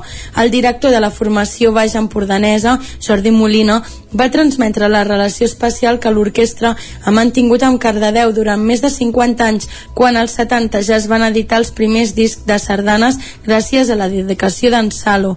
En el decurs del concert, la Copla Montgrins va interpretar dues peces, companyonia del mestre Puigferrer i per la nostra amistat de Martiria Font, que els mateixos compositors van dedicar en Salo. Gonçal Soler i Hernández, creu de terme de Cardedeu, va ser un dels fundadors de l'agrupació sardanista l'any 1970. Va organitzar cursets de sardanes i, entre d'altres iniciatives, va recuperar els aplecs de la Santa Espina. Seva és també la idea de la creació d'un arxiu de sardanes a Cardedeu. Avui aquest arxiu és un dels més grans de Catalunya Catalunya, amb més de 16.000 partitures a disposició de totes les coples. Gràcies, Núria. Acabem aquí aquest repàs informatiu que començàvem a les 10 en companyia, com sentíem ara, de Núria Lázaro, Caral Campàs, Jordi Sunyer i Isaac Muntades. Moment al territori 17 de fer un repàs a la previsió meteorològica. Casa Terradellos us ofereix el temps. Una previsió meteorològica que, com sempre, ens arriba de la mà d'en Pep Acosta, que ja ens ha alertat a primera hora del matí, que avui sí que sembla que veurem aigua, i no precisament sortint de l'aixeta, sinó caient del cel, i això és una autèntica novetat, perquè en el qual portem de 2022... Poc ho hem vist. Sí, poca, poca, poca aigua ha caigut encara, eh? El saludem, va? Pep, bon dia de nou. Hola, molt bon dia. I molt bona hora. Què tal esteu? Bé, bé. Doncs bé, a les pròximes hores aquests núvols aniran a més i de cara a la tarda pot ploure. Uh -huh. Seran quantitats modestes de precipitació, excepte l'àrea del Pirineu, eh, Ripollès i nord d'Osona, on poden caure més de 10 litres. Excel·lent notícia. Aviam. Uh, però per desgràcia o per, per, per no, perdó, per desgràcia tampoc, no? però per, per mala sort a la resta del territori seran pluges entre 0 i 5 litres si és que arriben a caure vull dir um, que no, no serà ni de bon tros una precipitació molt important. Les temperatures màximes més baixes la majoria màximes entre els 13 i 17 graus. Uh, tenim l'esperança aquesta eh? tenim l'esperança que avui pugui ploure. Sobretot com dic que posen al Pirineu entre 10 i 15 litres i eh, a la resta del territori plourà entre 0 i 5 eh, menys eh, jo crec que plourà bastants llocs. Veurem a veure què acaba passant perquè és un front atlàntic que es va, es va acostant i crec, crec, crec que la precipitació serà bastant, bastant general a les nostres comarques. Veurem què acaba passant. I això és tot. Demà farem el, el resum d'aquest front, aviam com ha anat, i aviam quines, eh, quines conseqüències ha tingut, que esperem que plogui més del que predic. Esperem. Moltes gràcies, Ah, adeu. bon dia. Doncs tant de bo. L'has sentit? Eh, crec, crec, crec, m'ha fet pensar en cru-cru del que parlàvem ahir, veus? Ah, aquell porquet de tona. No sabem si, si hi ha, hi ha això, si hi ha aparegut algú, algú disposat Que a adoptar-lo. Exacte. Ho estudiarem. Va, Exacte. ara anem cap a Sant Joan, a Anem cap a l'entrevista. Anem-hi. Ah, després d'això, en tot cas. Casa Tarradellas us ha ofert aquest espai. Territori 17. Envia'ns les teves notes de veu per WhatsApp al 646 079 023. 646 079 023. WhatsApp Territori 17.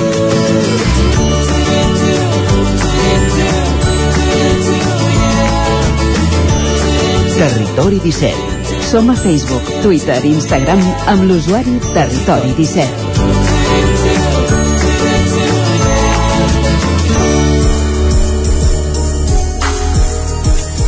Doncs com bé deies, anem cap a Sant Joan de les Abadesses, a la veu de Sant Joan amb l'Isaac Muntades, per parlar amb el seu alcalde, amb Ramon Roquer, sobre la segona convocatòria dels pressupostos participatius en aquesta vila. Isaac, bon dia, quan vulguis. En pocs dies s'iniciarà la segona edició dels pressupostos participatius de Sant Joan de les Abadeses. Per tant, tots els veïns del municipi podran decidir a què es destina una part del pressupost municipal, com ja van fer l'any passat. En total, la partida que es destinarà a aquesta finalitat serà de 50.000 euros. I, de fet, avui tenim a l'estudi de la veu de Sant Joan a l'alcalde del municipi, en Ramon Roquer, que ens explicarà doncs, tots els detalls d'aquesta segona edició dels pressupostos participatius. Bon dia, Ramon, i moltes gràcies per ser amb nosaltres. Sí, sí, bon dia no, vosaltres. Per començar, Ramon, aquest pròxim dissabte, a les 12 del migdia, a la sala de plens de l'Ajuntament es posarà la primera pedra d'aquesta segona edició dels pressupostos participatius. Què s'hi farà? Sí, bé, de, de fet és una reunió informativa oberta a, a tothom, bàsicament per recordar una mica eh, el procés d'aquests pressupostos, d'aquest d'aquest procés de participació de pressupostos. Mm, també per aclarir dubtes, eh, ja serà la segona edició. En la primera, en què per tots plegats era una novetat, vam haver de fer tots plegats un esforç, no?, de, de, de saber, doncs, com es podia participar, eh, exactament, doncs, quines eren aquelles propostes que després podien tenir recorregut. Finalment, doncs, tots plegats vam haver de conèixer una mica el procediment fins a finalment, doncs, acabar escollint eh, una inversió, una inversió concreta, que després, doncs, hem pogut, doncs, eh, treballar, fer, i finalment, doncs, eh, també hem anunciat doncs, que el mes, el mes d'abril doncs, ja també presentarem i ja obrirem al públic. No? Per tant, eh, la reunió de, de dissabte és bàsicament això, per fer un repàs del, del procés i sobretot per aclarir dubtes perquè les persones que tinguin interès a fer-ne seguiment, a portar propostes, les pugui fer amb la màxima informació i també amb les màximes garanties de que aquelles propostes tindran recorregut i arribaran al final i poden ser guanyadores. Jo crec que aquest és l'objectiu de la reunió informativa de dissabte. Uh, ja s'ha repartit de fet un díptic, un díptic informatiu a totes les cases i començarà doncs aquesta primera fase. Quan durarà i en què consistirà, resumidament?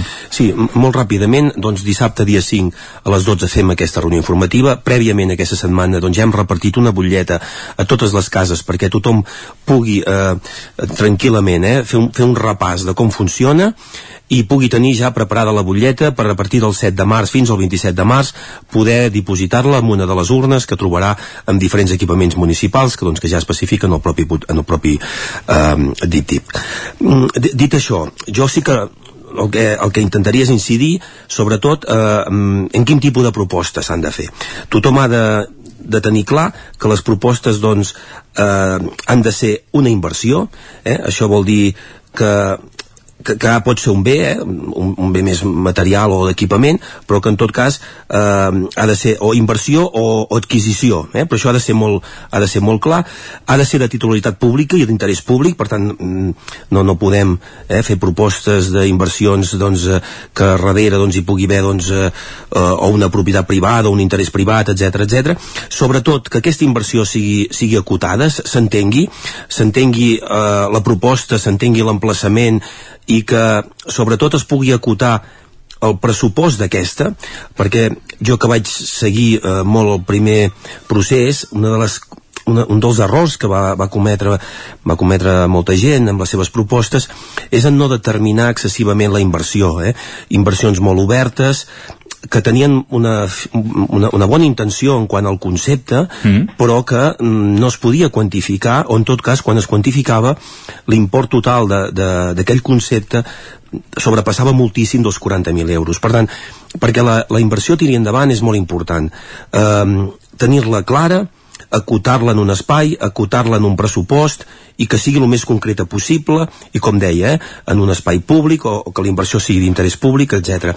Jo crec que si es tenen en compte aquests criteris que estan perfectament definits en el tríptic, aquella mm, inversió, aquella proposta segur que, que anirà endavant, passarà els diferents filtres i pot arribar al final, a la votació final, que és finalment doncs, eh, bé, doncs dintre del paquet de 9 o 10 inversions que finalment doncs, arriben, doncs una pugui ser la guanyadora o vàries puguin ser la guanyadora si no arriben aquests 50.000 euros. Tot i així, Ramon, eh, ràpidament, eh, això que, que comentaves, eh, hi ha d'algunes d'aquestes propostes que se sobrepassaven del pressupost, o, o, però que vosaltres eh, les teniu en compte també per un pressupost ordinari de cara al futur, no?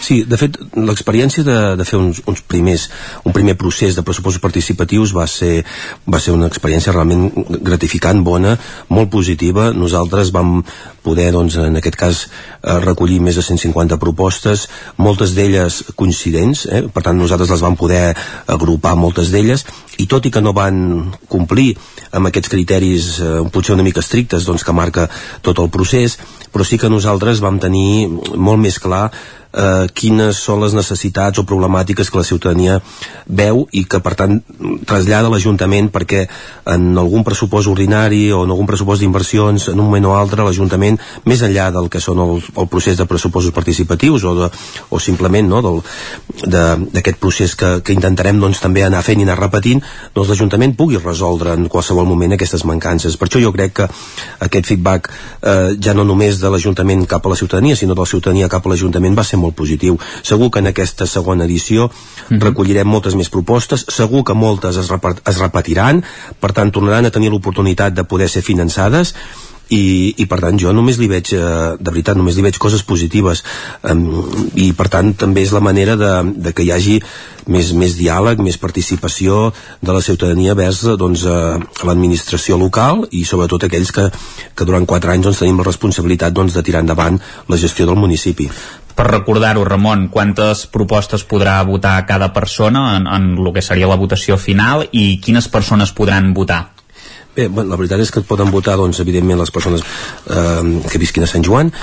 Eh, he de dir que només es pot col·locar una butlleta, eh, vull dir, per, cada, tothom pot fer una proposta i, i finalment doncs, també tothom doncs, pot votar una, una vegada. No, no, no es tracta d'aconseguir o de que una persona evidentment pugui votar molt, sinó que es tracta és d'aconseguir la màxima participació eh?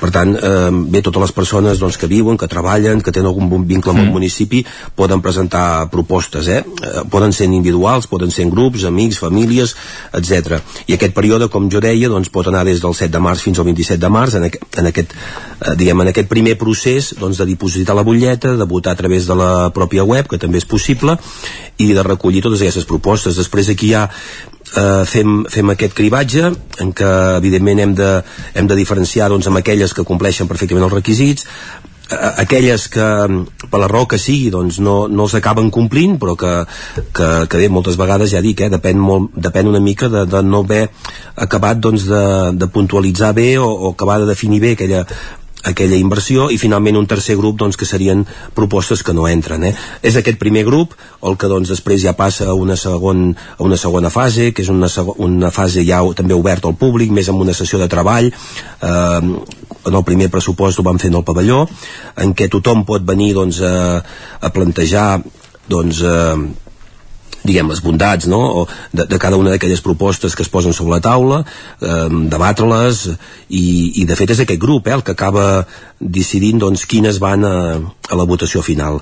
Per tant, jo crec que tot el procés és molt interessant, mm, està, està muntat perquè tothom hi pugui participar activament en cada una de les fases, i perquè doncs, la, la millor inversió la, la inversió que es consideri més necessària i, i que entre tots doncs, així ho decidim doncs s'acabi materialitzant i s'acabi fent eh, com et deia, contents d'haver engegat aquest tipus de proposta i una segona, ens plantegem una segona edició gràcies a que la primera realment va ser molt reeixida i va ser molt positiva.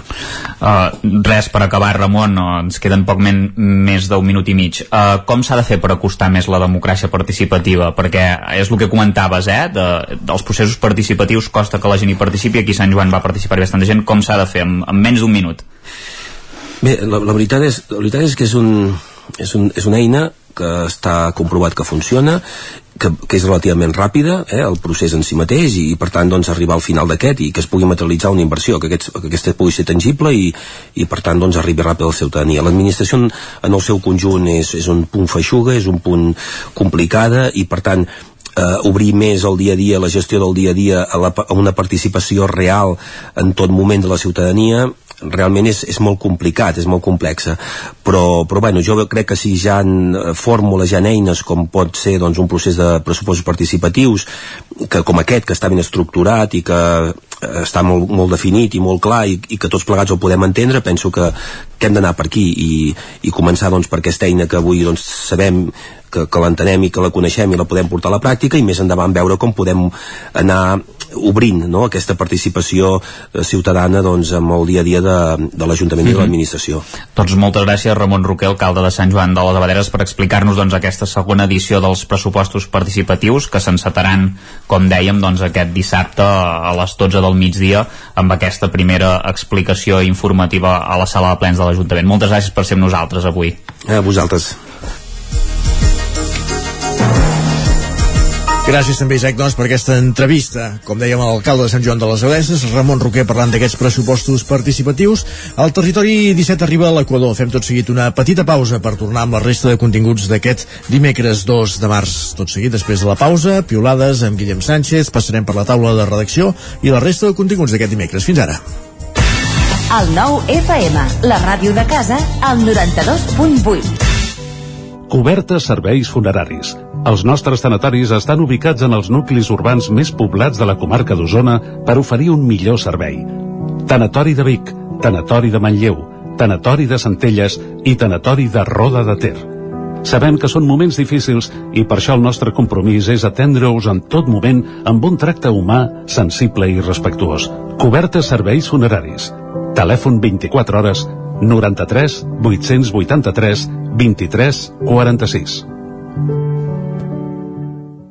A la rostisseria El Plat ens agrada la cuina de sempre, la de les àvies i de les mares, la cuina feta amb paciència com s'ha fet tota la vida. Vine a provar els nostres canelons gruixuts o els croquetons, les nostres croquetes de 80 grams i recupera el gust del pollastre a com els que es menjaven abans. Ah, i aprofita fins a finals de febrer 20% de descompte en els canelons i el pollastre. Rostisseria El Plat, encàrrecs fins a les 12 del migdia i servei a domicili. Ens trobaràs de dijous a diumenge al carrer Església número 6 de Taradell o al 93 135 58 85. Retus 2A. Experts en comunicació visual.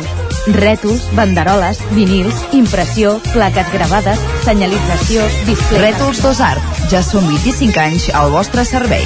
Ens trobareu a la carretera de Vic a Olot, número 7, al polígon Malloles de Vic. dosartvic.com Telèfon 93 889 2588. Al restaurant Xavito Gastro de Vic hi trobaràs una cuina mediterrània i de mercat amb gran varietat de plats, amb arrossos, carn o peix fresc de la llotja cada dia. Vine a dinar de dimarts a divendres i prova el nostre menú diari per només 15 euros o a les nits de dijous a diumenge tastar el nostre menú degustació amb arrossos i tapes per 25 euros. Restaurant Xamito Gastro. Ens trobaràs al carrer Callnou número 9 de Vic i al telèfon 93 094 1172 o al 747 42 92 58. Cocodril Club. Si t'agrada la bona música dels anys 60, 70 i 80, escolta el 9 FM als matins de dissabtes i diumenges d'11 a 1. És el temps del Cocodril Club, tot un clàssic de la ràdio, amb les bases del pop-rock, les llegendes, les cançons que s'han convertit en autèntics himnes. Recorda, dissabtes i diumenges al matí, d'11 a 1, al 9 FM 92.8. Cocodril Club, el programa revival de l'Albert Malla. Hasta luego, cocodrilo. Anuncia't al 9FM. La màquina de casa. 9 3 8 8 9 4 9 4 9. Publicitat arroba al 9FM.cat. Anuncia't al 9FM. La publicitat més eficaç. El 9FM, el 9FM, el 9FM, el 9FM. Dos quarts d'onze a l'hora, Guillem Sánchez, al territori 17.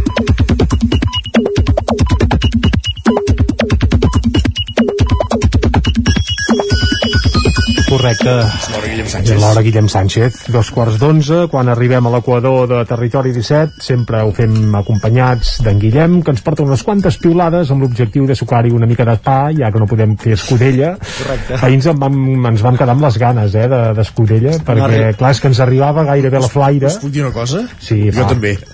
Què dius? Isa, no la vas tastar? No, no, clar, si el servien a la una, jo a la una era aquí, altre Home, cop. cas un dena. I vols dir que ja no estava una mica a punt, allò, per fer un... feia goig, feia eh? goig. I no ha arribat cap, cap paquet, ni, ni cap termo, ni, No, no, no. ni res. Bé, des d'aquí fem una crida, gent de Sant Feliu de Codines o de Castellterçol, que si ens Era arriba bona de Castellterçol també s'hi val, eh?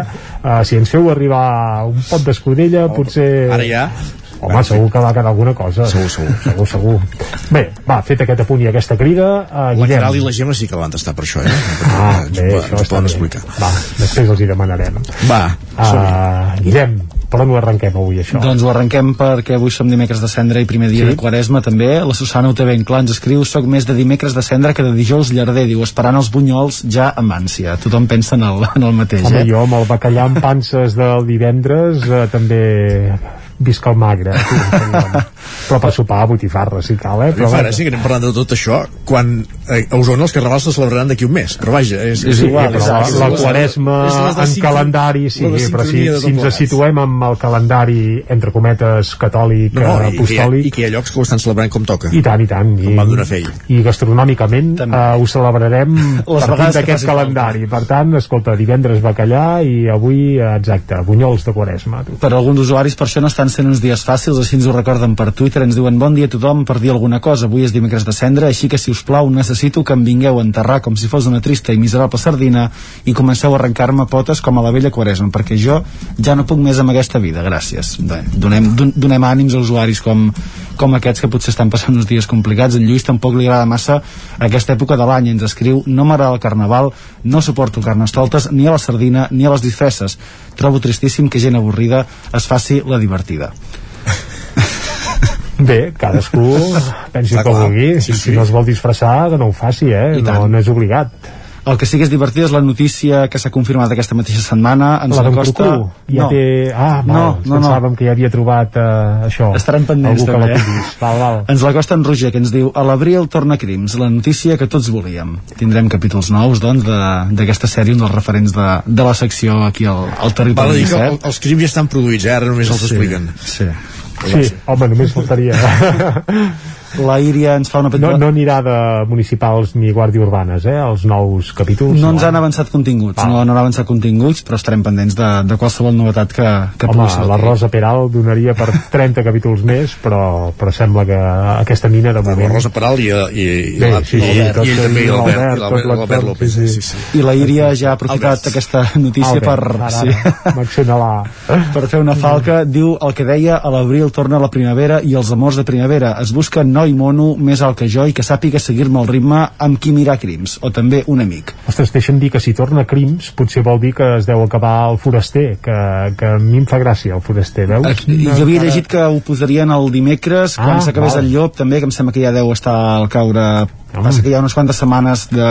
Bé, haurem de trucar a TV3, clar, Correcte. el programador del nou TV el tenim molt a l'abast, el de TV3 no tant, però mirarem de, de treure'n l'entrellat també, va. Va, i com que sempre ens agrada menjar, entrem al capítol gastronòmic de la secció. L'Arnau. Tordera es preguntava aquesta setmana fuet de pernil, ja s'ha inventat?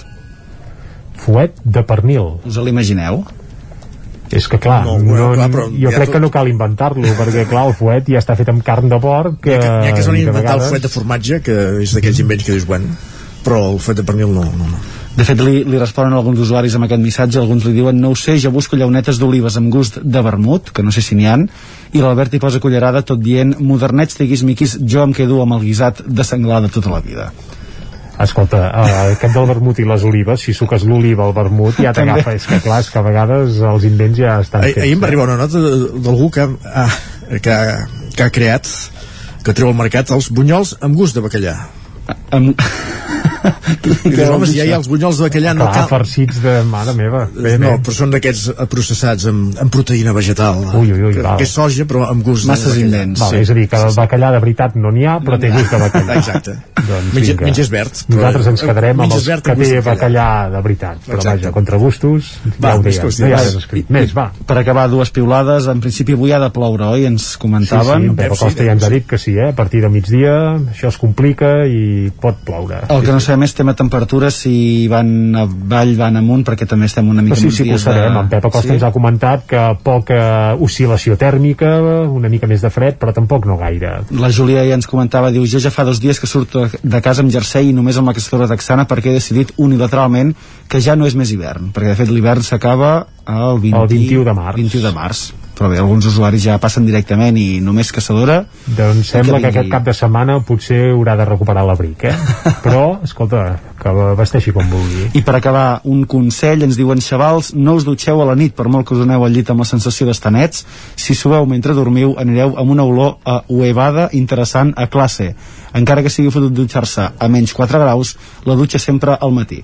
Sempre. Deu ser el consell d'algun professor que, que potser es troba amb alguna cosa als matins. Doncs ja ben asseguro que jo no segueixo mai aquest consell i no sé l'Isaac també, però... jo sóc més de matins però un dia, si un dia ho he de fer al vespre tampoc passa res eh? no.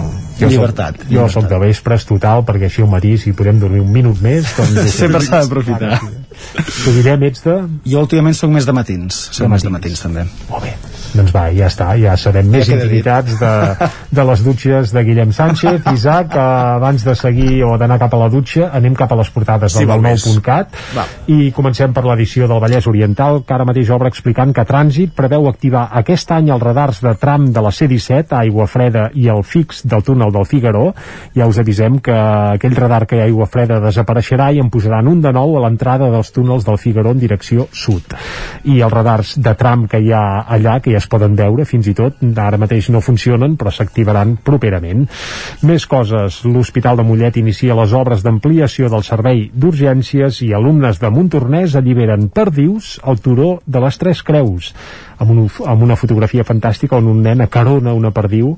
Uh, no sé si heu vist mai aquelles perdius que semblen domèstiques que corren pels camps que les deixen anar a caçadors i que les podries gairebé bé, de perdius salvatges no sé si en queda cap. Ja, bé, tant és.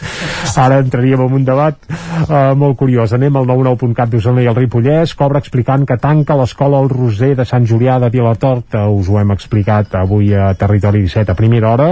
I també apareix que bé, uh, Vic acull 14 persones d'Ucraïna a qui la guerra ha sorprès a Catalunya i també que encara no està clar que el Ripollès pugui votar a la consulta pels Jocs Olímpics d'hivern que s'haurien de fer presumiblement d'aquí uns quants anys a Barcelona, Pirineus, a Saragossa i no sé pas on més. Va. Però la candidatura s'ha de presentar en poques setmanes barra mesos. Correcte.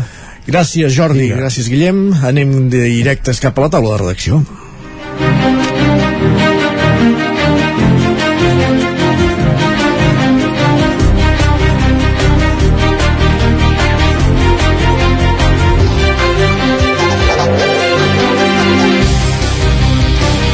Taula de redacció en companyia de Guillem Rico i d'Isaac Muntades. Guillem, bon dia. Hola, bon dia. Per parlar del ple de Trolló que se celebrava aquest dilluns, Sí. Um, diversos titulars, alguns dels quals els avançàvem abans de les notícies uh, ser el primer ajuntament que reglamenta el teletreball i també el fet uh, i també la, les seqüeles, diguéssim, no? de la mesura de la moció aprovada al ple anterior de deixar de treballar amb l'operatòria del BBVA. Exacte. Sí, va ser un ple presencial de nou després d'uns mesos en què s'havien tornat els plens telemàtics per la, la situació pandèmica. Es va aprovar aquest reglament eh, per eh, per regular el teletreball eh, és una de les coses positives això ho deien des de la CUP per exemple de, que, que ha portat el Covid no? que s'ha fet aquest teletreball uh mhm. -huh. i que ara doncs el que es plantejava ho deia la regidora de, de Recursos Humans Mercè Faja eh, regular-ho i veient que amb el Covid eh, es va poder fer doncs ara el que faran és regular i veure com s'ha de sol·licitar, com s'ha de desenvolupar i ara un cop es torna a la normalitat doncs poder-ho tornar a fer perquè també sap, mm, perquè per algunes persones doncs era important poder-ho fer eh, per temes de, concili de conciliació familiar. Llavors eh, es farà aquest reglament d'entrada es faria una prova d'un any i llavors d'aquí un any es valoraria com ha anat i per veure, ja fent el seguiment de qui ho faci i les tasques que es poden fer a, a través del teletreball, això sí, un màxim de dos dies a la setmana, eh? Uh, i llavors això recollirà tot plegat per veure si, si funciona. I van donar suport tots els grups, des de Junts Jordi Rossell deia que uh, això, que um, està bé poder, des de l'administració, poder garantir aquests, aquesta conciliació familiar, uh, des de la CUP també deien el mateix, és, és el que el que dèiem abans i des del PSC també veien bé uh, també el fet aquest de, de fer una prova i per veure, veure per, per veure com, com funciona. Això és un dels principals punts de, del ple i també, com deies, doncs, en l'apartat de pregs i preguntes, quan es va demanar com estava el tema de, de, del BBVA eh, de, arran del tancament i tot plegat. Eh, recordem que la setmana passada també es va fer una concentració impulsada per la gent gran de, del barri de Montserrat al centre del poble. Eh, i això l'alcalde Marcel Artuño va recordar que des del consistori després d'haver aprovat aquesta moció per retirar la, tota l'operativa doncs això que estabien eh, havien donat suport a les reivindicacions i que, i que això que estaven traient l'operativa i que estaven venent encara de la resposta de, de totes les qüestions que havien traslladat als bancs per veure si, si hi havia marxa enrere o, o, o feien alguna cosa. I paral·lelament eh, per poder recuperar els caixers i paral·lelament mm, s'han reunit també amb les entitats bancàries per veure si en aquest espai que es va aprovar i que ja també constava en el pressupost que aquest espai TIC al barri de Montserrat per atendre la gent gran per facilitar-los els tràmits digitals i ensenyar-los i eh, fer-los, d'ensenyar-los de, no sé com s'ha de dir. ensenyar-los a fer-los ensenyar-los a fer-los. Uh, a veure si doncs, estan negociant si podrien fer que uh, les entitats financeres portin personal seu a unes hores concretes, uns dies concrets uh, allà perquè la gent puguin anar-hi fer a fer els tràmits. Al final el que acaba sent és que perquè els bancs estalvien diners, doncs els ajuntaments acabin pagant uns locals i uns serveis eh, perquè es considera que són uns serveis més o menys essencials i que i que per la gent que, això és el que ens deien també eh, els organitzadors de la concentració l'altre dia, és el que criticaven eh, que s'hagi de fer a través de diner públic doncs un, eh, fer aquest servei s'acaba sent per molts un servei públic eh, i per unes persones que, que no estan preparades digitalment potser doncs encara per, per fer tots aquests tràmits online eh, i deien, no? que deien les persones grans que parlàvem divendres passat a la concentració uh -huh. que, que necessitaven potser més temps no? que potser era molt brusc aquest tancament que s'havia d'haver fet més gradual eh, i per poder-los formar perquè hi ha gent que encara li és complicat operar a través del caixer i també a través de, de les aplicacions de, de telèfons mòbils. El que al barri de Montserrat encara hi queda, sí que hi queda un caixer, no hi ha oficina, sí que hi queda un caixer. El que no és plantejable ara mateix és aquesta solució, entre cometes, de la Diputació de Barcelona d'aquests caixers per fer gestions eh, administratives i també com a caixer automàtic, però que en principi és una partida per eh, municipis de menys de 5.000 de Sí, fins a 5.000 exacte. habitants. De fet, eh, ja només amb el barri de Montserrat ja hi viuen més de 5.000 habitants, per tant, eh, ells d'aquí no no hi entren, per això estan fent aquesta negociació eh, que seria fer com una, aquesta mena de prova pilot de, de que hi hagin personal mm, d'entitats bancàries que puguin anar unes hores concretes a atendre, a atendre la gent a, a, en aquest espai que, que es preveu habilitar al barri de Montserrat eh, per, per això, per, per intentar ajudar a digitalitzar en part eh, aquestes persones que, que ara no tenen accés o no tenen les habilitats per, per fer-ho. Gràcies, Guillem. De res, adéu, bon dia. I continuem amb aquesta taula de redacció. Com dèiem, estem del 9 FM fins a la peu de Sant Joan, amb l'Isaac Montades. El saludem de nou. Bon dia, Isaac. Bon dia, Isaac. Per parlar d'un altre pl- ple, en aquest cas va ser el que es va fer dimecres passat a Ripoll, i on va sortir una situació, un deute que té el Bisbat de Vic, eh, amb, no amb l'Ajuntament, sinó amb el Museu Etnogràfic de Ripoll, i que es va posar de manifest en el ple de la setmana passada, com dèiem. Sí, exacte, notícia totalment del territori 17 aquesta, eh, i ben curiosa perquè es va destapar doncs, que hi havia aquest deute, a veure, no és un deute que estiguem parlant eh, molt, molt excessiu, però, però sorprèn una mica, és un deute que té el Bisbat de Vic, com, com comentaves amb el patronat del Museu Etnogràfic de Ripoll, en total 10.500 euros, que es corresponen a 5 anualitats, això són 300 euros. ca- 1.500 has dit, eh? Exacte, 1.500 euros. Són 5 anualitats de, de 300 euros cadascuna en aquest cas, eh, no són molts diners però clar, evidentment ja són 5 anys eh, sense pagar.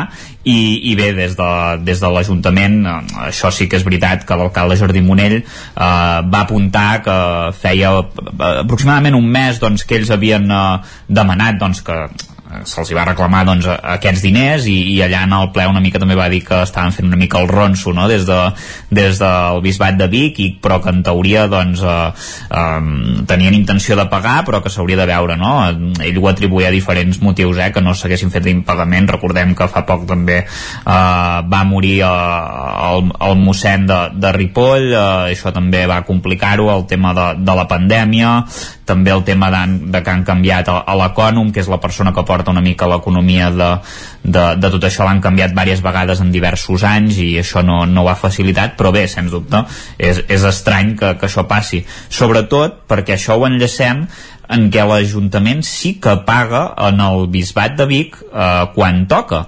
Uh, perquè en aquest cas uh, durant molt de temps i, i encara ara doncs uh, paga de 200 euros al mes per guardar el lapidari del, del monestir que precisament és propietari uh, és propietat de l'església. Un lapidari que ara mateix doncs, està en aquest soterrani de l'edifici Saiós que és propietat, propietat de la Fundació uh, Salesiana i, i que també acull l'Escola Comarcal de Música i l'Escola d'Adults i que en principi el Bisbat doncs, té un projecte ja, que ja, ja, està, ja està redactat, el que passa que falten els diners per, per executar-lo, que sempre sol ser el, me, el més important, per posar-lo en el perímetre de, de l'Església. En el seu moment no es va voler portar aquí en el Museu Episcopal de Vic per temor a que es perdés, perquè hi ha hagut doncs, algunes coses de, de, del Ripollès que s'han portat al, al, al Museu Episcopal i no han tornat, i, i bé, doncs, eh, durant molt de temps, doncs, eh, eh, recordem que, en- que en el seu moment eh, aquest eh, lapidari, diguéssim, per dir-ho d'alguna manera, eh, va estar doncs, en una nau en què l'Ajuntament pagava doncs, un lloguer de, mensual de 250 euros. Vull dir que també eh, s'hi ha, ha anat gastant molts diners i, i veurem com, com acaba aquesta situació i, i si el lapidari per fi s'exposa i si el bisbat torna aquest deute amb el patronat del museu que això també eh, suposo que al fer-se una mica públic doncs ara eh, en principi el bisbat va Sí, va dir que en principi ja, ja, ja estaven per pagar-ho, però, però s'haurà de veure, eh? encara no, no, no en tenim constància. Què, a què ho atribueix el bisbat no haver fet aquests pagaments o, o no en compte? No, hi havia, hi havia això, eh, que hi havia hagut problemes perquè hi havia hagut ca el canvi de l'ecònom, d'aquesta persona doncs, que es dedica a això, a, a l'economia, diguéssim, El tresorer, de, entendre, sí. el, el tresorer, hi havia hagut, em sembla que va dir parell o tres de canvis en molt poc temps, clar, són cinc anys, eh, de dos mesos són molts anys eh, ja, i no, bueno, això és bàsicament el principal problema que, que van atribuir, però, però clar, eh, sobta una mica. D'acord, doncs, gra perdó, gràcies Isaac eh, per A vosaltres. el repàs a l'agenda. Bon dia. Fins després. I ara, tot seguit, el que fem és entrar al Lletra Ferits avui des de Cardedeu.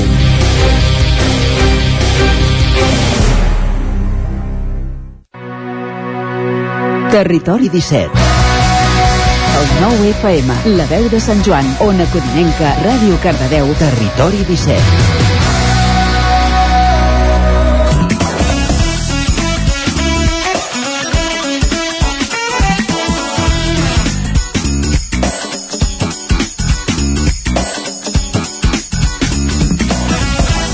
Tots minuts perquè siguin les 11 i al Territori 17 cada dimecres el que fem aquesta hora és parlar de literatura, parlar de llibres i avui, i avui ho fem des de Ràdio Televisió Cardedeu amb l'Òscar Muñoz per fixar-nos en una escriptora, amb la Montse Verderi participant en un dels vermuts literaris que, que es fan a Cardedeu.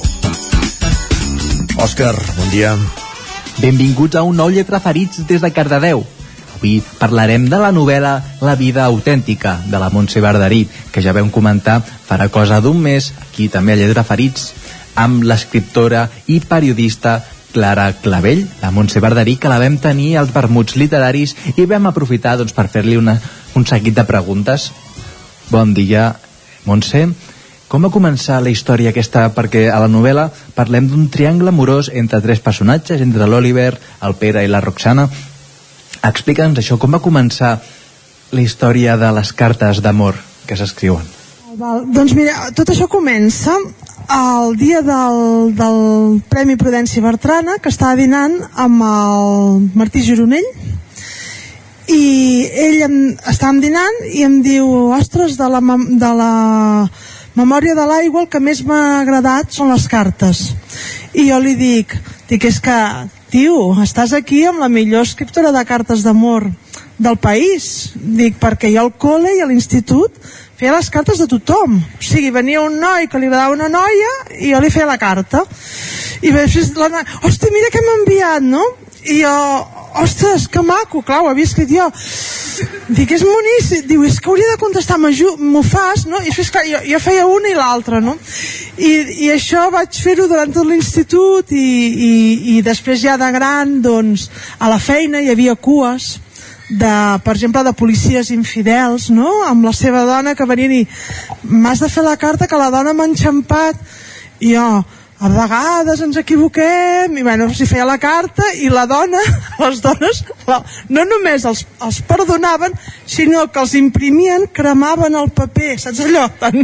I ho enquadernaven a l'habitació no? i bé, jo ho vaig explicar així com per riure i en el moment que estem, imagineu l'auditori de Girona, que és enorme amb el president de la Generalitat i tot, doncs jo portava el meu discurs, no? Gràcies, mama, gràcies, papa, no? I em van dir, no facis discurs, tu ves les cartes, no? I jo, mm, sí, i ho va dir allà davant de tothom, i bé, la gent va, va riure, però la meva editora, que, que, que no riu tant, però que està a la, a la White, diu, aquí hi ha una novel·la. Aquí hi ha una novel·la, la propera novel·la que facis has de fer això d'algú que fa les cartes per a algú altre. I de seguida vam veure que, que això era una mena de Cirano, no? Cirano parla amb, amb veu de l'altre i aquí va començar una mica el joc, no? D'alguna història que ja tenia molta pràctica jo. Hem parlat del triangle amorós entre aquests tres protagonistes. Ara, doncs això, explica'ns més o menys una miqueta sobre, sobre cada un d'ells quins són els seus eh, virtuts i quins són els seus defectes. Mira, l'Oliver, l'Oliver Bou és una mena de, de tio que no, que, no, que no ha estudiat, que és autodidacta, que té una gran cultura, que té un problema de sobrepès, que és, té un punt escèptic, però aquells punts de escèptics romàntics una mica bògars de, que no que representa que estan per sobre de tot però a l'hora de la veritat sempre faran el que, el que cal fer i que tenen aquella dimensió ètica tan important i que és una persona que també és molt conscient del pa que s'hi donen quan treballes amb una feina convencional. I sempre esteu sentint tota l'estona que la gent que escrivim som autònoms, la majoria, no? I que ho vivim tan malament i que ho passem tan malament i que cobrem tan poc. Però és que jo us dic, només faltaria que fos fàcil o sigui, seria la bomba això, no? Vull dir, seria de dir, és que, és que evidentment, no?, que, que té dificultats, però quan ho fas i tens la sort de no haver de fitxar, jo que he treballat des de molt jove sé el que és, doncs per la pandèmia he tornat a treballar i sé el que és estar d'autònom escrivint i sé el que és treballar cada dia doncs si tu trobes la manera ell l'ha trobat, doncs intenta mantenir-se allà una mica també com la Teresa Pàmies no? que és molt conscient quan es dedica a escriure que ella que va fer un llarg exili com a, amb un contracte de senyora de fer feines i treballant amb les feines més humils ets molt conscient de, de, de la qualitat de vida que tens dedicant al que t'agrada i que és meravellós. Per tant, ell això ho té molt conscient. El Pere és un empresari en el, en el sentit pitjor del terme, perquè no hi ha una dimensió mm, de fer el bé, sinó una, una cosa que es porta molt ara, no? que és una pàtina de, de màrqueting sostenible, valors i beneficis no? això és una frase que a mi em fa molta ràbia en tots els dossiers de patrocini hi ha valors i beneficis o sigui, quins valors fem veure que tenim per obtenir beneficis no? i és una persona doncs bàsicament que veu el món en terme de què li pot ser útil i en terme allò de, de beneficis no? la, això la, la despietada lògica dels guanys que deia un filòsof que es diu Bobbio i la Roxana està en part inspirada amb la meva editora, la Glòria Gasc, en el, en el sentit d'aquesta recerca del text, d'un text que valgui la pena, que estigui ben articulat, allò del artefacte de la literatura ben feta, però tota la resta ja no és de la, no és de la Glòria Gasc, és una dona doncs, que ha tingut una relació tormentosa, Uh, ara està après a viure sola i ha començat a tenir pors. I el que vol és una relació tranquil·la, o sigui, no vol complicar-se la vida. I aquesta decisió és una cosa que persones d'una certa edat podem entendre molt bé. Amb 20 anys ho repudiaríem en plan va de retro perquè m'estàs dient, però amb 50, amb 40 molts, és un llibre de 40, 60 doncs dius bé, jo ara no tinc ganes de turments, tinc ganes de, de viure una vida tranquil·la i aquests és una mica la, els tres personatges principals a la novel·la parles dels detalls, de les petites coses. Tu com a, a personal, eh, què n'opines no, d'aquestes petites coses? Bé, jo estic molt a favor de ser feliç amb les petites coses, no? Com diu Grau, Groucho Marx, no? Amb un petit iot, una, peti, una petita casa a les afores, una petita mariscada, no? Bé, les petites coses són el que són i són meravelloses i les grans coses també són meravelloses. La vida és, és meravellosa sempre. Eh? Jo veig sobretot el sentit del sagrat, de, de la meravella que és veure una albada o el fet d'estar vius, no? Allò, aquella, aquella frase tan bonica de la Martin Gaite de lo raro es vivir, de dir hi ha tan poques possibilitats d'estar aquí i, i hi som que a mi em sembla com un privilegi el fet de, de, de viure, evidentment, no? i d'aprendre i de, i, de, i de començar noves coses i de, i de créixer, sobretot l'oportunitat de créixer com a persones amb, amb aquest temps tan curt que ens és donat viure, perquè del 0 als 80 anys són 30.000 dies, i 30.000 dies són molt pocs, no? I ara ja així per acabar, situes la novel·la en ple confinament i això és curiós ja que és una etapa doncs, important per a aquesta societat i és com que no surt massa que s'òbvia molt a les novel·les o a les pel·lícules. Llavors tu sí que has situat aquest eh, llibre a la pandèmia. Explica'ns això una miqueta.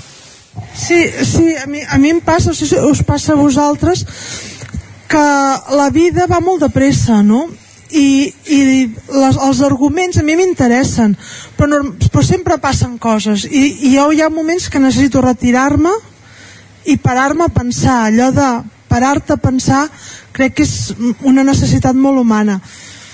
Després jo, la, el, un dels impactes literaris més grans que he tingut a la meva vida és el del Milan Kundera amb la insuportable lleugeresa del ser, que feia això, no? Parava l'argument la, i de cop reflexionava sobre un aspecte de la vida. I a mi m'interessava tant o més el que reflexionava Milan Kundera que el que passava. I jo per la meva formació que és de filosofia això em passa. Necessito apartar-me i pensar. Però penso que filòsofs som tots perquè filosofia vol dir amor al saber o l'estorament que et provoca la realitat al ser-hi no? de dir, ostres, això em supera, no? Com m'aparto? La carta també és una manera de parar-te a pensar. Ara que, no, que, que anem tots amb whatsapps, no? Quan fas una carta també vols com emmarcar la realitat i dir el que realment ha passat és això, el que realment he sentit és això. La carta també és una manera de mirar la realitat amb un zoom de distància. Per tant, a mi em venia molt de gust uh, aquests, aquests petits uh, episodis. Són uns episodis de, que, que són de teoria de l'art, de teoria de la literatura, d'estètica. I a mi em passa que hi veig moltíssima bellesa en les explicacions de sentit de, de moltes disciplines. O sigui, tu estudies història de l'art i t'expliquen el concepte de sublim i jo una mica doncs, em, em pensava això és preciós no? O l'obra d'art inacabada que, que, que l'espectador necessita acabar-la bé, hi ha molts temes estètics meravellosos però com que són com una disciplina te'ls expliquen en un llenguatge com molt acadèmic o molt científic amb voluntat de, de ser molt explicatiu i jo pensava, tot això donar-li una pàtina literària és molt bonic, no? I tenia moltes ganes de fer de fer-ho, perquè trobo molta bellesa amb les coses que m'ajuden a comprendre millor la realitat. Per això hi trobo tanta bellesa en la filosofia. Però la filosofia no és literari. I jugar amb la literatura i el, i el coneixement a mi m'emporta molta, molta, molta alegria de viure, no? I fins aquí a lletra ferits d'aquesta setmana amb la vida autèntica de la Montse Verdarí.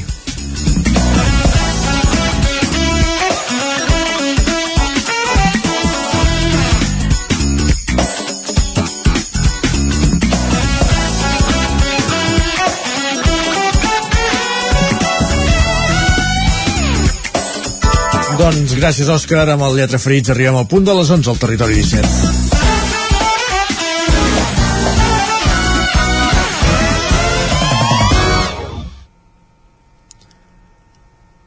I a les 11 en punt, que són ara, és moment d'actualitzar-nos, de repassar les notícies més destacades de les nostres comarques. Territori 17, amb Isaac Moreno i Jordi Sunyer.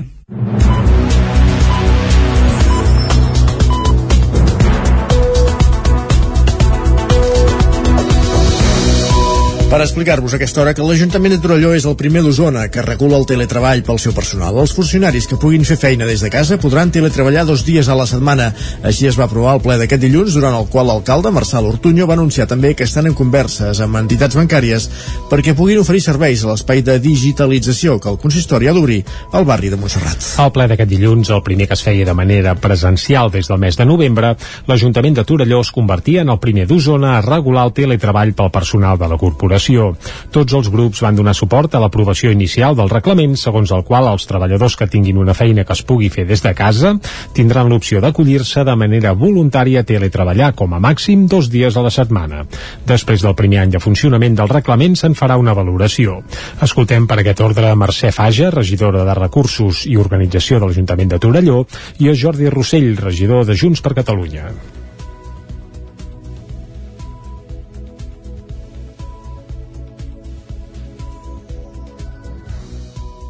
És un reglament que té una durada d'un any. Un cop hagi acabat aquest any podrem valorar com, com ha anat el seu funcionament i fer el seguiment de totes aquelles persones i aquelles tasques que s'han dut a terme amb un teletreball.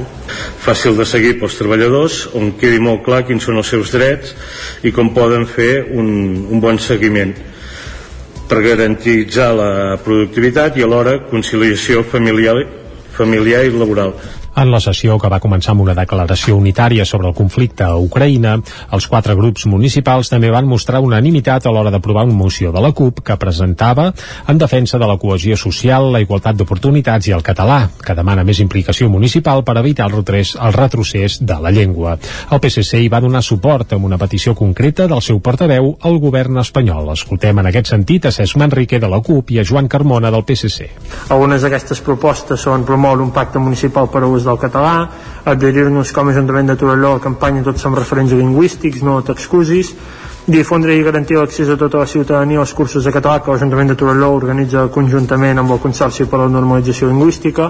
Eh, jo encara aniria una mica més enllà i demanaria al govern d'Espanya que el català, tant el català com el base i el gallec, es poguessin parlar dintre del Parlament de la Nació.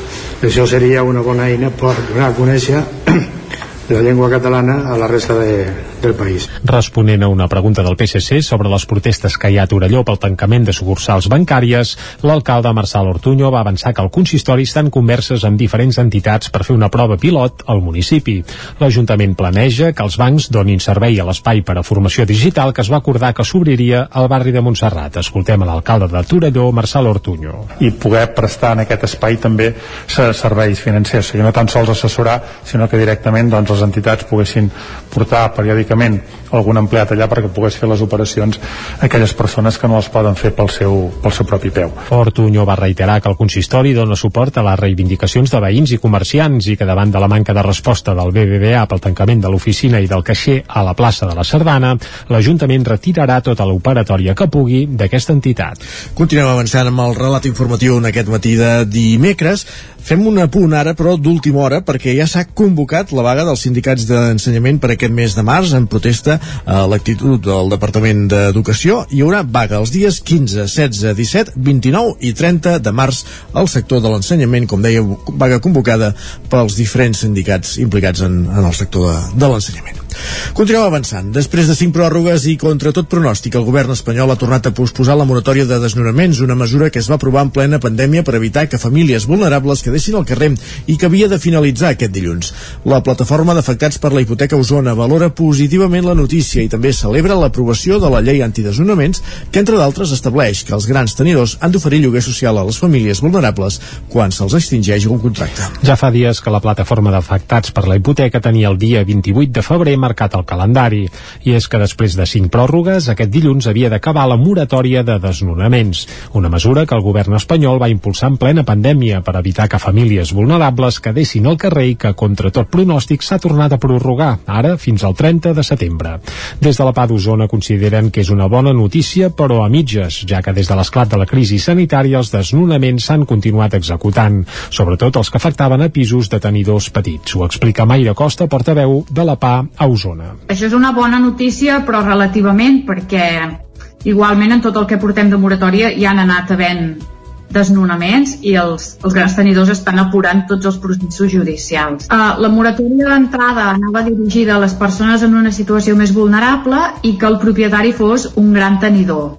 Llavors, uh, això que ha fet que hi hagi, hi hagi continuat havent els desnonaments que són de petits tenidors, però a més a més també n'hi ha hagut algun altre de, de gran tenidor que si el jutge ho ha considerat eh, han anat endavant. Des de la PA d'Osona també celebren l'aprovació al Parlament de Catalunya de la llei antidesnonaments, un decret que es va aprovar la setmana passada amb els vots a favor del PSC, Esquerra, Junts, la CUP i els Comuns i que preveu que abans d'iniciar-se un desnonament els grans tenidors hagin d'oferir lloguer social a les famílies. Ho explica Víctor Domínguez de la PA d'Osona. Sí que hem guanyat aquests passos, sobretot amb el tema de grans tenidors, que és l'obligació de cedir pisos buits que a través dels ajuntaments es normalitzarà el tema per fer-ho servir com a mesa d'emergències des de la PA d'Osona també demanen als ajuntaments que es posin les piles per oferir pisos de lloguer a preus assequibles i també pisos d'emergència social. Ribes de Freser instal·larà quatre nous punts de càrrega de vehicles elèctrics per a 8 places d'aparcament. Isaac muntades des de la veu de Sant Joan. Ribes de Freser disposarà de quatre nous punts de recàrrega per a vehicles elèctrics que donaran servei a 8 places d'aparcament repartides per parelles al passeig Àngel Guimarà, al passeig del Rigart al costat de la Nacional 260, al sector de Can Gusi i al carrer Balandrau. Els tres primers punts seran de càrrega ràpida i el darrer de semiràpida. En el ple extraordinari de divendres passat, l'Ajuntament va aprovar amb els vots positius de l'equip de govern de Junts per Ribes una adjudicació directa d'una concessió per la instal·lació i explotació d'aquests punts de recàrrega durant els pròxims 15 anys en favor de l'empresa elèctrica ripollesa l'ERSA. Tots Sem Ribes, Esquerra Republicana de Catalunya i la CUP es van abstenir. L'alcaldessa Mònica Sant Jaume va explicar que tenien la voluntat determinada d'impulsar l'ús del vehicle elèctric i que els nous punts, finançats en gran part pel Plan Moves 3, s'instal·laran aquest exercici. La resta dels diners anirà a càrrec de l'ERSA. Un cop acabi l'explotació, les instal·lacions tornaran a ser de l'Ajuntament. Tant el grup de Tots Fem Ribes com la CUP compartien l'aposta per ser d'interès públic, però no el camí. Així ho veia el porteu republicà Joaquim Roquer.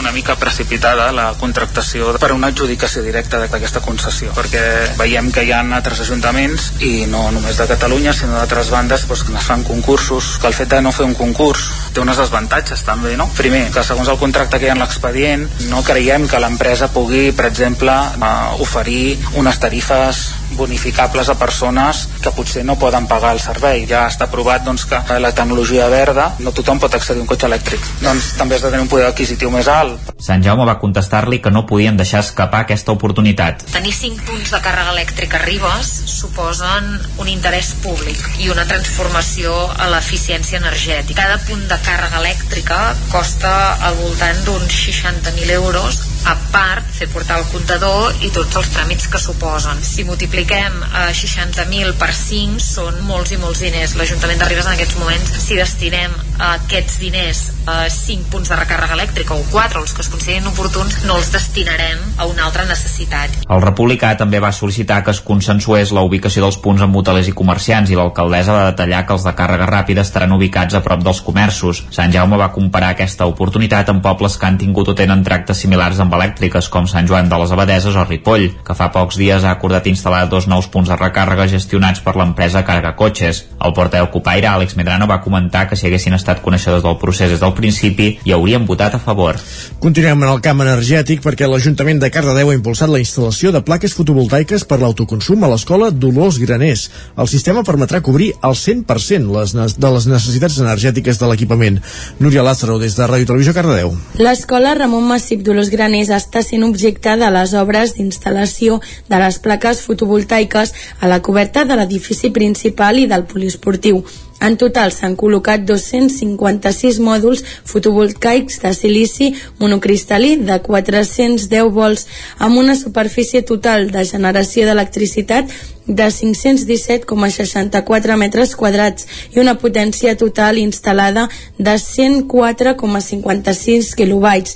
Les característiques de la instal·lació permetran cobrir el 100% de les necessitats de l'equipament escolar, cedir energia als equipaments municipals propers en un radi inferior a 500 metres i la possibilitat de desenvolupar una comunitat energètica local amb els veïns.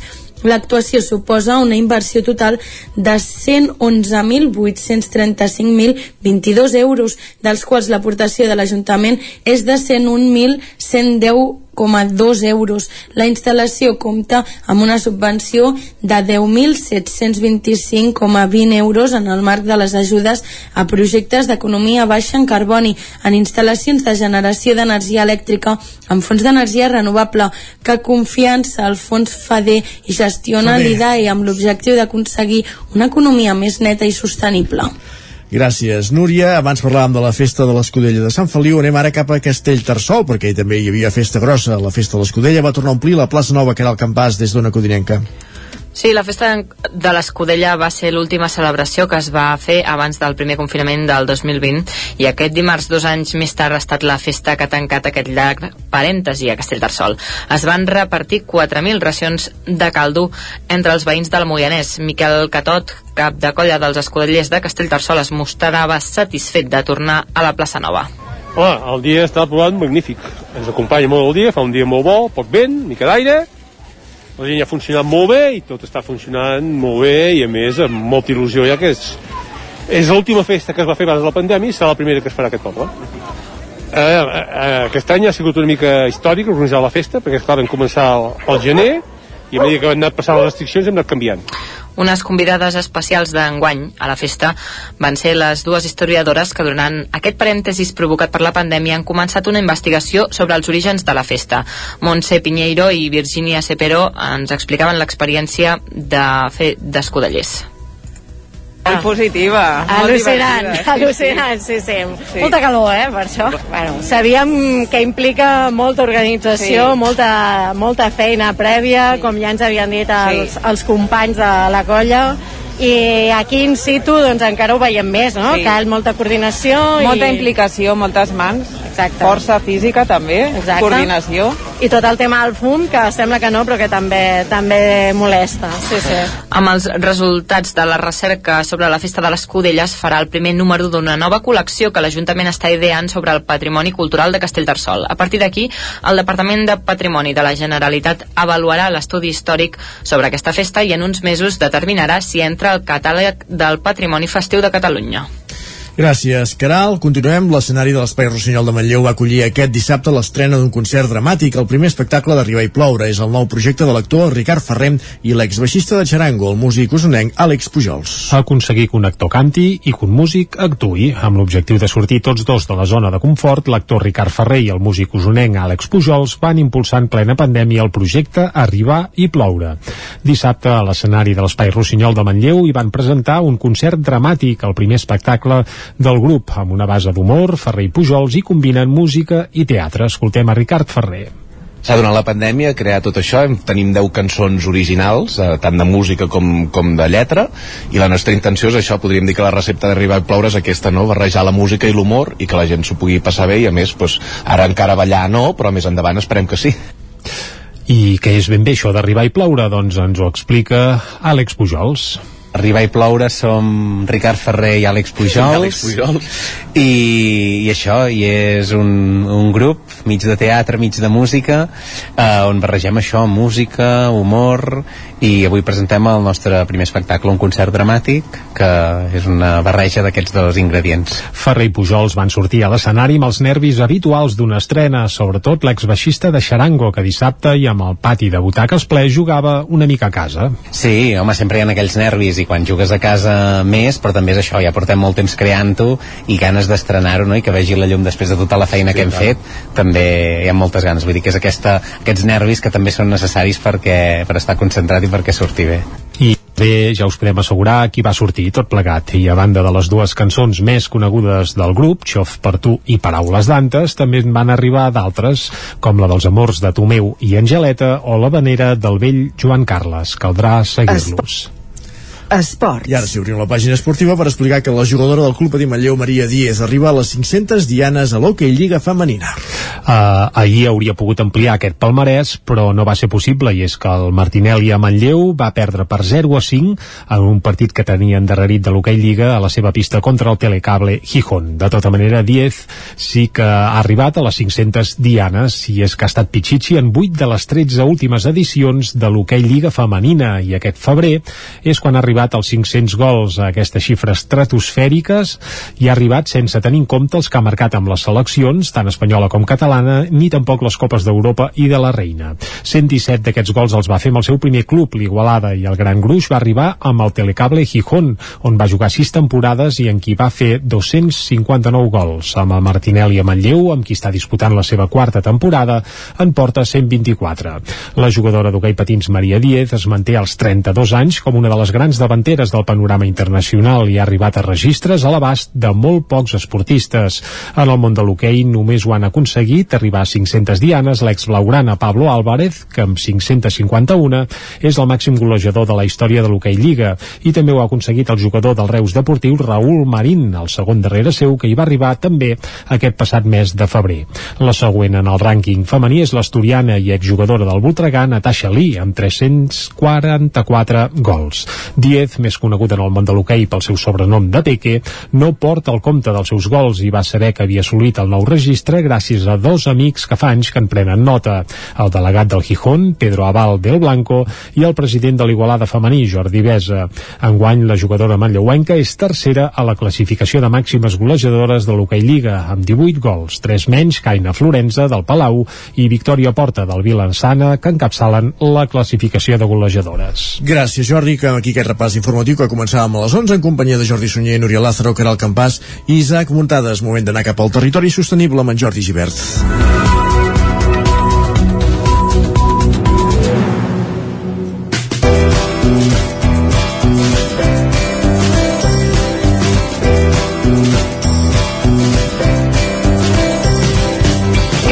Doncs amb aquesta iniciativa, amb aquesta secció que cada setmana ens descobreix iniciatives sostenibles al territori, avui en Jordi Givert s'endinsa a la Fira de l'Oli de Vigues i Riells del Fai.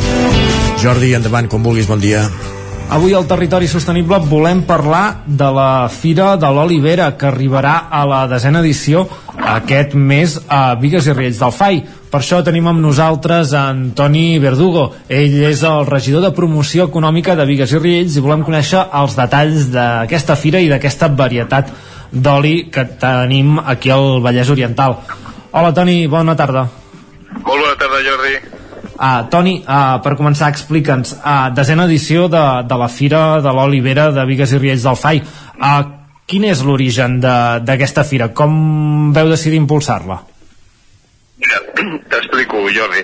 Aquesta fira va sortir de, de la iniciativa de, de, eh, de, dels productors d'oli juntament amb el Pet Salsetes, eh, que és, una, és conegut per tots, ara fa 10 anys van decidir fer aquesta fira i, i la seva funció és donar a conèixer a, a tot el país, a tota Catalunya, eh, aquesta varietat d'oli. L'oli de vera és una varietat pròpia de, del Vallès, Vallès Oriental, també del Vallès Oriental, i té unes característiques eh, de sabor i de qualitat molt bones. Francament és un oli excel·lent.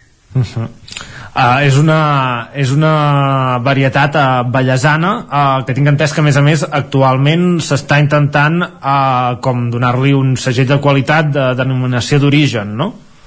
Sí, estem treballant, s'està treballant amb, amb, amb aquest aspecte, vull dir, per una banda doncs buscar aquest segell de qualitat uh, també estem, estem uh, estudiant la possibilitat d'una denominació d'origen, tot i que és una mica més complicat, però eh, és un oli... Aquí al Vallès els productors són petits productors, però són productors que fan un oli excel·lent. Alg algun d'ells tenen premis internacionals per, per, la, seus olis.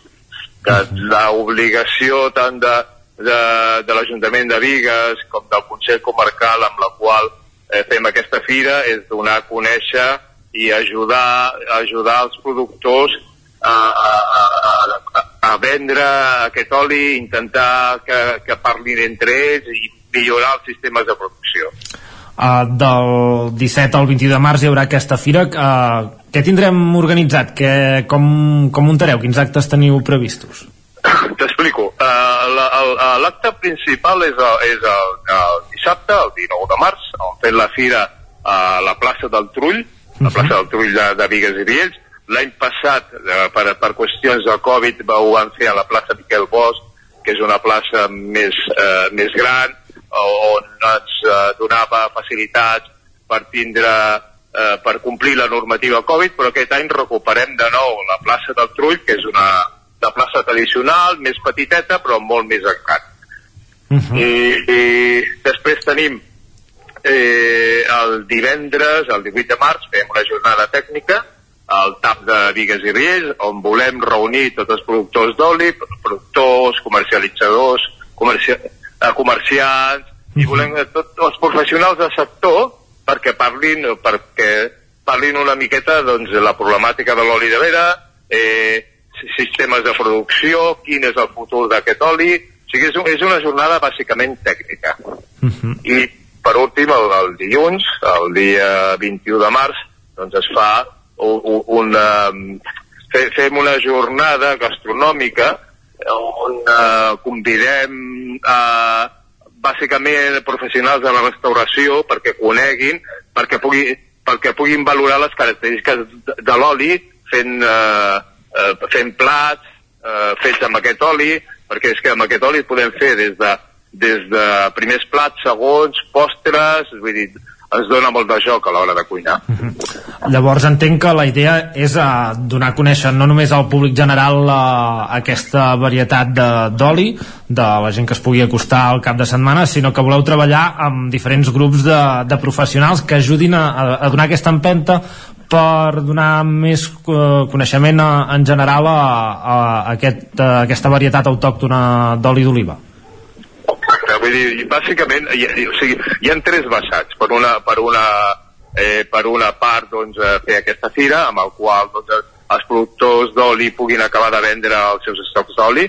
Pensem que aquestes alçades, eh, com la producció d'oli de vera no és molt, no és molt gran, doncs eh, eh, els estocs no són tampoc excessivament grans. Eh, per una altra banda, doncs, que sigui unes jornades tècniques on, on ells puguin parlar dels seus problemes i buscar solucions, i després de, eh, també fer eh, convidar els restaurants perquè promocionin eh, aquests productes que es fan a la comarca. Cal, cal alguna mena d'inscripció en alguns d'aquests actes, eh, ja siguin oberts al públic? Suposo que els més professionals eh, estan sí. resguardats. Bàsicament els professionals s'han d'inscriure, el que és la fira, el que és la fira no, eh, convidem a tothom que vingui, tenim espai, a més a més aquest any la fira hi ha una novetat, i és que eh, hem convidat a productors de, de productes de la terra, eh, productes de la terra de, de, del Vallès Oriental, aprofitem aquesta plataforma de, de, de la fira doncs, per donar a conèixer d'altres productes eh, que, es, que es fan aquí a- al Vallès Oriental i que també tenen molta qualitat. Uh, sobre uh, aquesta desena fira de l'oli va acompanyada d'un element que sempre va molt associat a, a l'oli, que, que és el pa, uh, i, i feu un mercat de pa artesà.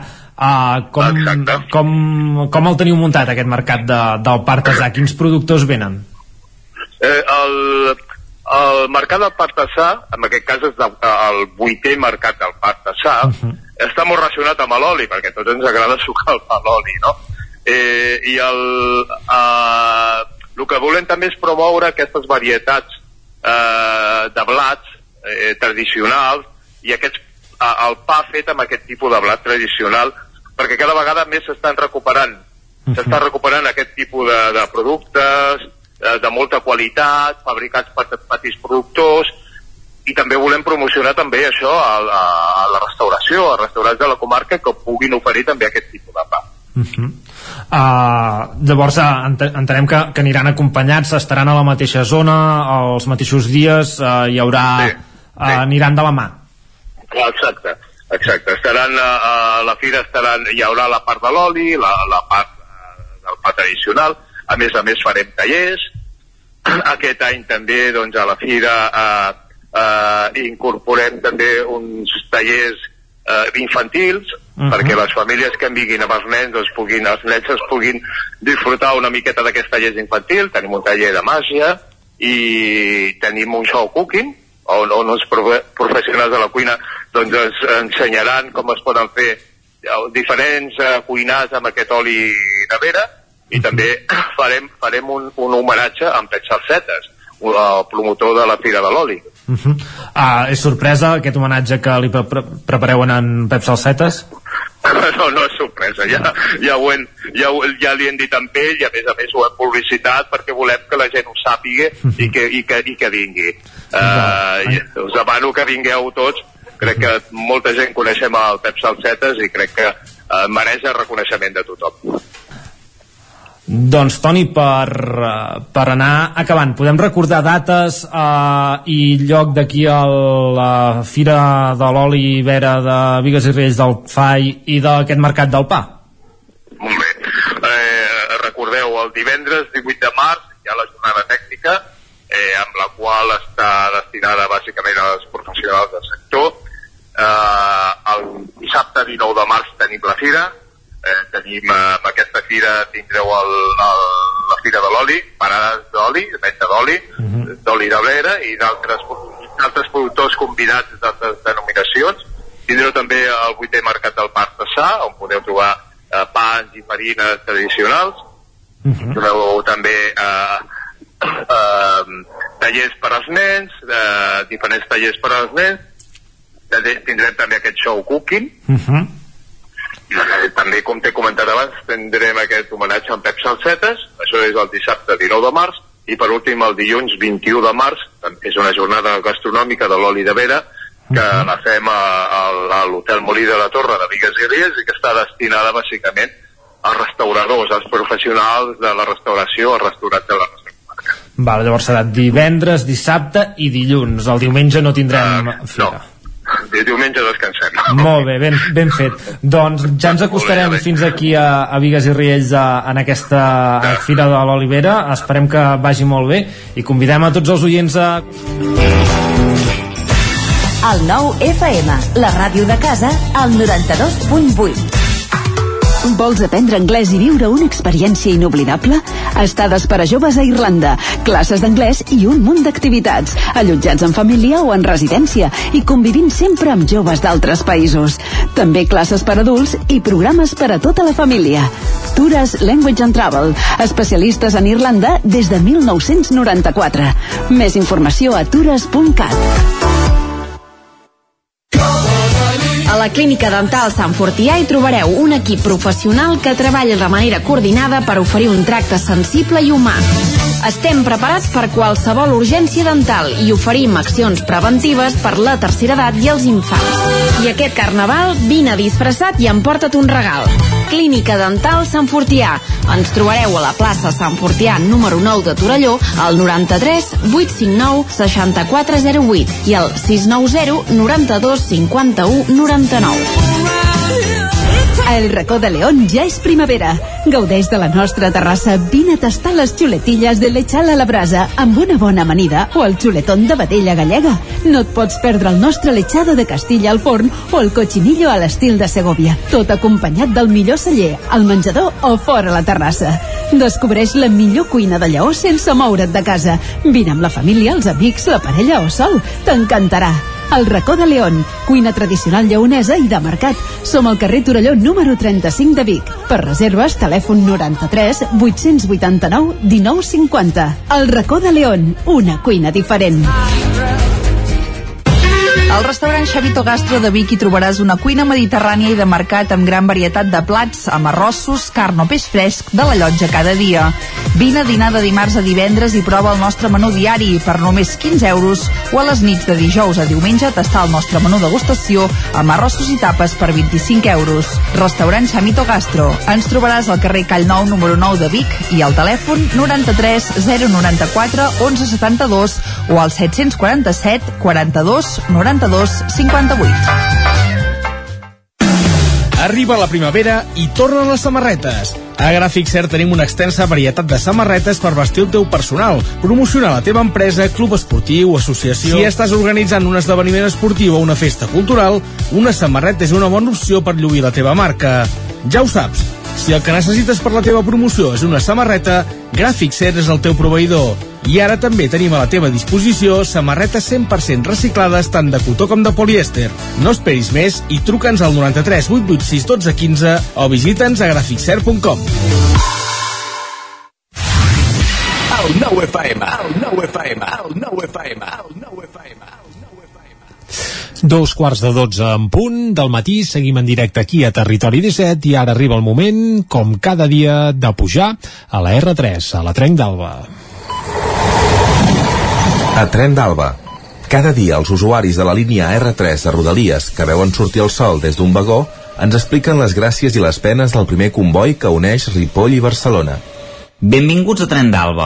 La plataforma perquè no es fotin el tren ens explica que a la web de transport públic s'hi pot veure el nou mapa complet del transport interurbà d'Osona i la crítica per part del col·lectiu és que sovint les parades d'autobús són a centenars de metres de les estacions de tren. Després llançava la pregunta de quines millores faríeu a les línies per potenciar les connexions. Segur que ens en sortirien moltes, altra coses que es puguin fer. En fi, us deixo la crònica de la Glòria Francolí que avui ens la porta precisament des de l'autobús. Hola, molt bon dia. Aquí la Glòria des de l'oficina.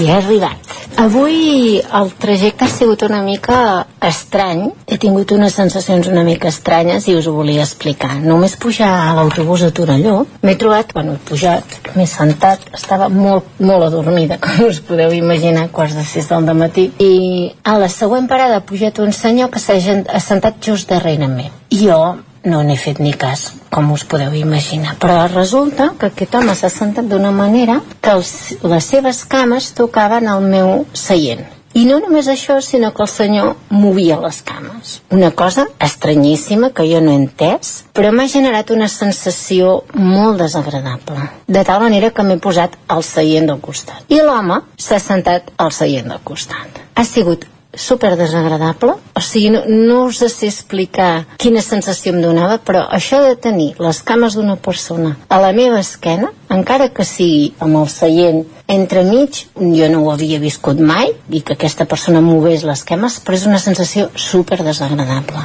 total que la següent parada m'he canviat de seient i ja està. I a partir d'ara em sembla que em posaré el seient del final de tu perquè coses així et fan passar una mala estona no res, un viatge una mica accidentat. Quan hem arribat a Vic ja he agafat l'altre autobús i l'altre autobús ha sigut molt divertit perquè hi havia una persona que anava fent sons. Jo crec que estava dormint profundament i durant el somni feia sons i de tant en tant senties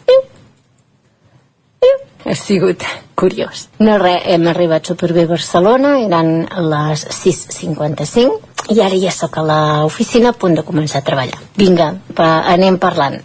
Doncs esperem que aquesta persona que estava al teu darrere es comporti la pròxima vegada, tot i que pel que explica sembla que és un home que no té massa educació i que només tenia ganes de molestar i de fer-te enfadar perquè no tenia res més a fer. Molt més divertida aquesta persona que dormia profundament i feia sorollets, que també inquieten una mica, però almenys no són desagradables. Va, ens retrobem demà amb més històries del tren i de la R3.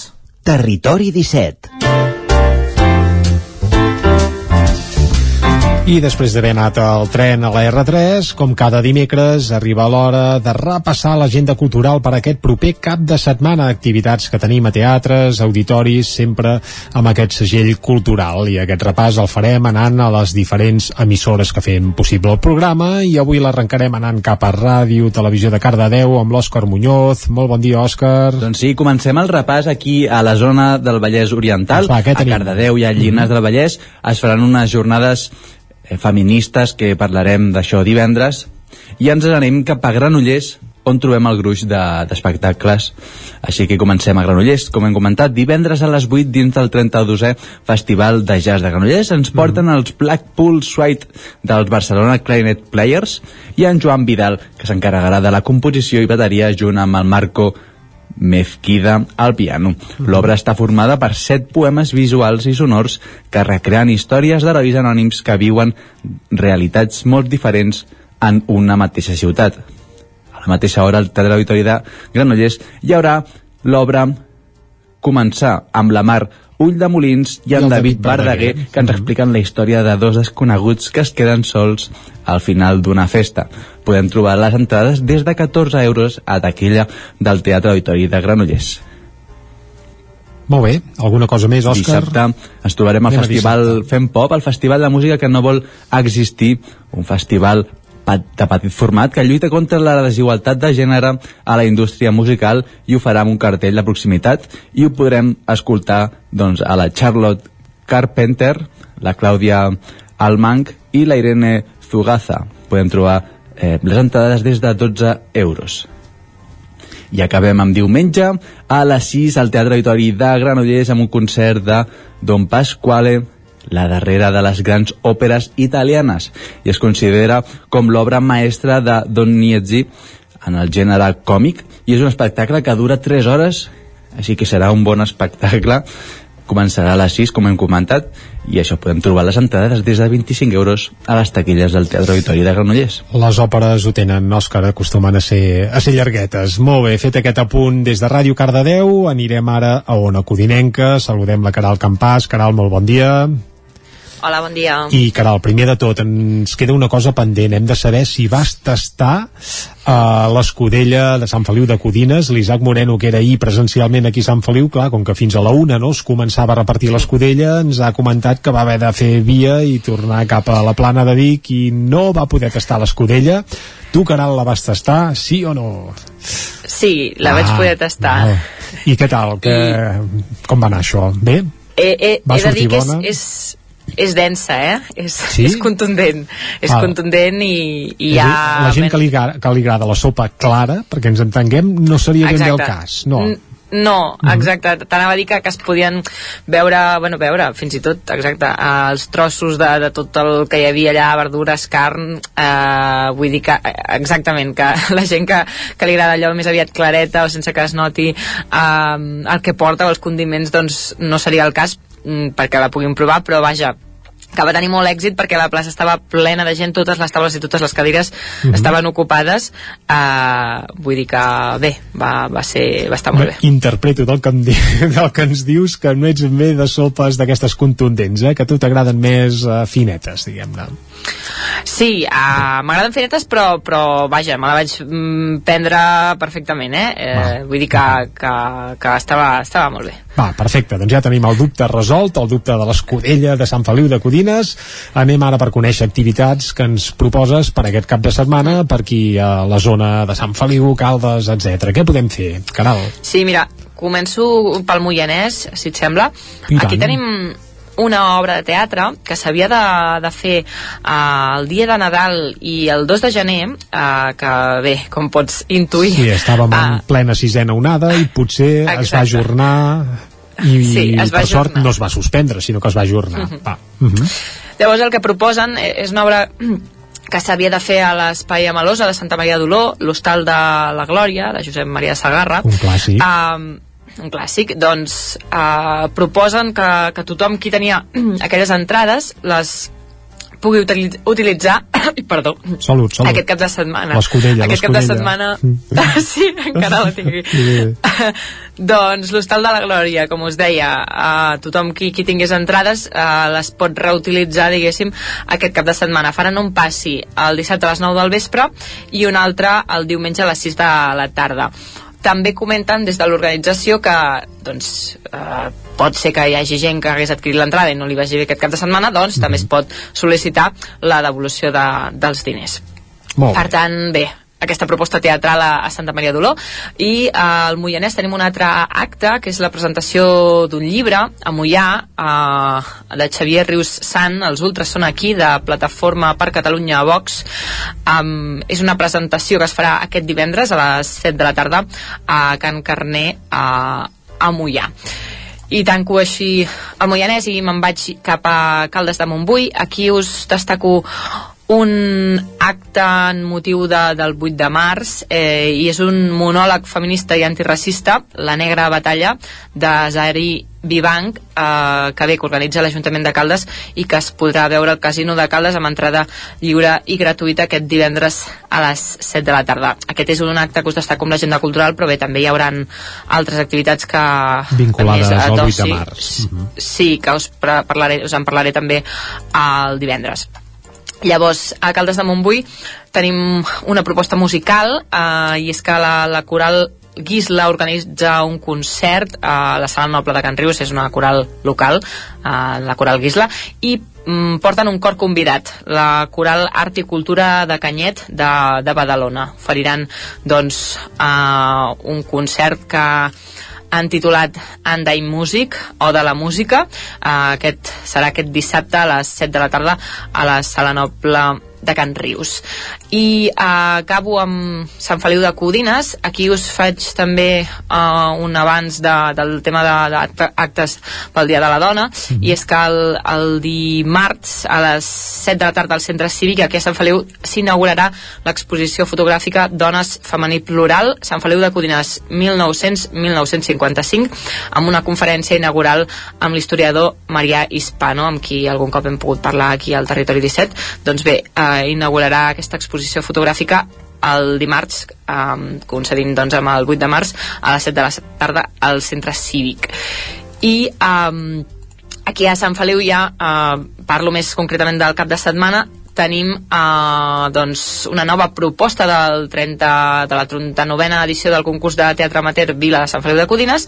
En aquest cas la companyia Els Carlins de Manresa porten l'obra Play Steinberg eh, que bé que parla doncs d'una parella, l'Alicia i l'Edgar, una actriu i un capità d'artilleria frustrat que es veu que parlen, apareix un cosí i bé, ja no puc avançar res més. No, qui Ah, vulgui saber doncs el desenllaç que, que hi vagi, evidentment. Sí, Mhm. doncs és aquest diumenge a les 7 de la tarda al Casal Cultural Codinenc. Moltes gràcies, Caral.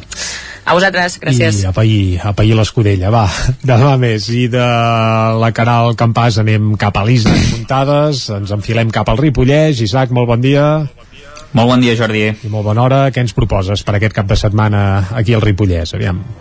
Doncs mira, abans fins i tot del cap de setmana, demà mateix, a Ripoll ja es podrà veure l'exposició poemari fotogràfic d'Elisenda Puig i Quim Llop a la Biblioteca Lambert Mata de, de la, del municipi, Mhm. que ja estarà exposada fins al pròxim 31 de maig, i precisament també aquí mateix a la biblioteca, eh, a les 7 de la tarda, demà mateix, l'espai també acollirà una activitat gratuïta amb aforament limitat a càrrec de Josep Mir, que es diu Cinema Musical del Teatre al Cinema, i, i bé, explica ell doncs, que només el cinema musical és capaç de reunir en un sol element totes les expressions interpretatives, aquí va evidentment des de la música, el cant, la dansa i també eh, la interpretació de, dels actors. I, i bé, és un bon musical, comenta que és un, que és un gènere que és difícil que hi pugui competir eh, competir-hi cap altre no? eh, en aquesta sessió el crític de cinema Joan Mir parlarà d'algunes pel·lícules que s'han creat doncs, a partir eh, d'obres del teatre musical. En aquest cas com Els Miserables o West Side Story entre d'altres, no sé si entre d'altres també hi ha eh, Gris o Hairspray no? que també són algunes d'aquests musicals també eh, famosos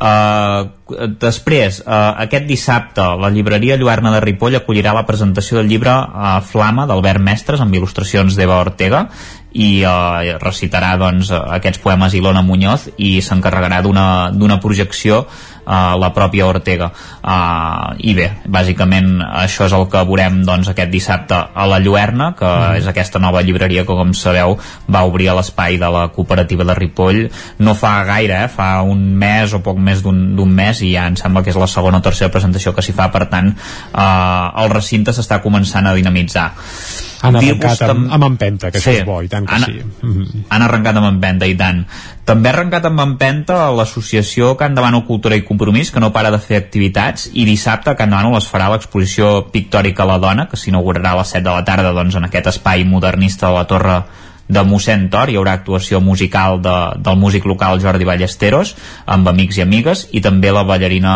Ruth Rigat.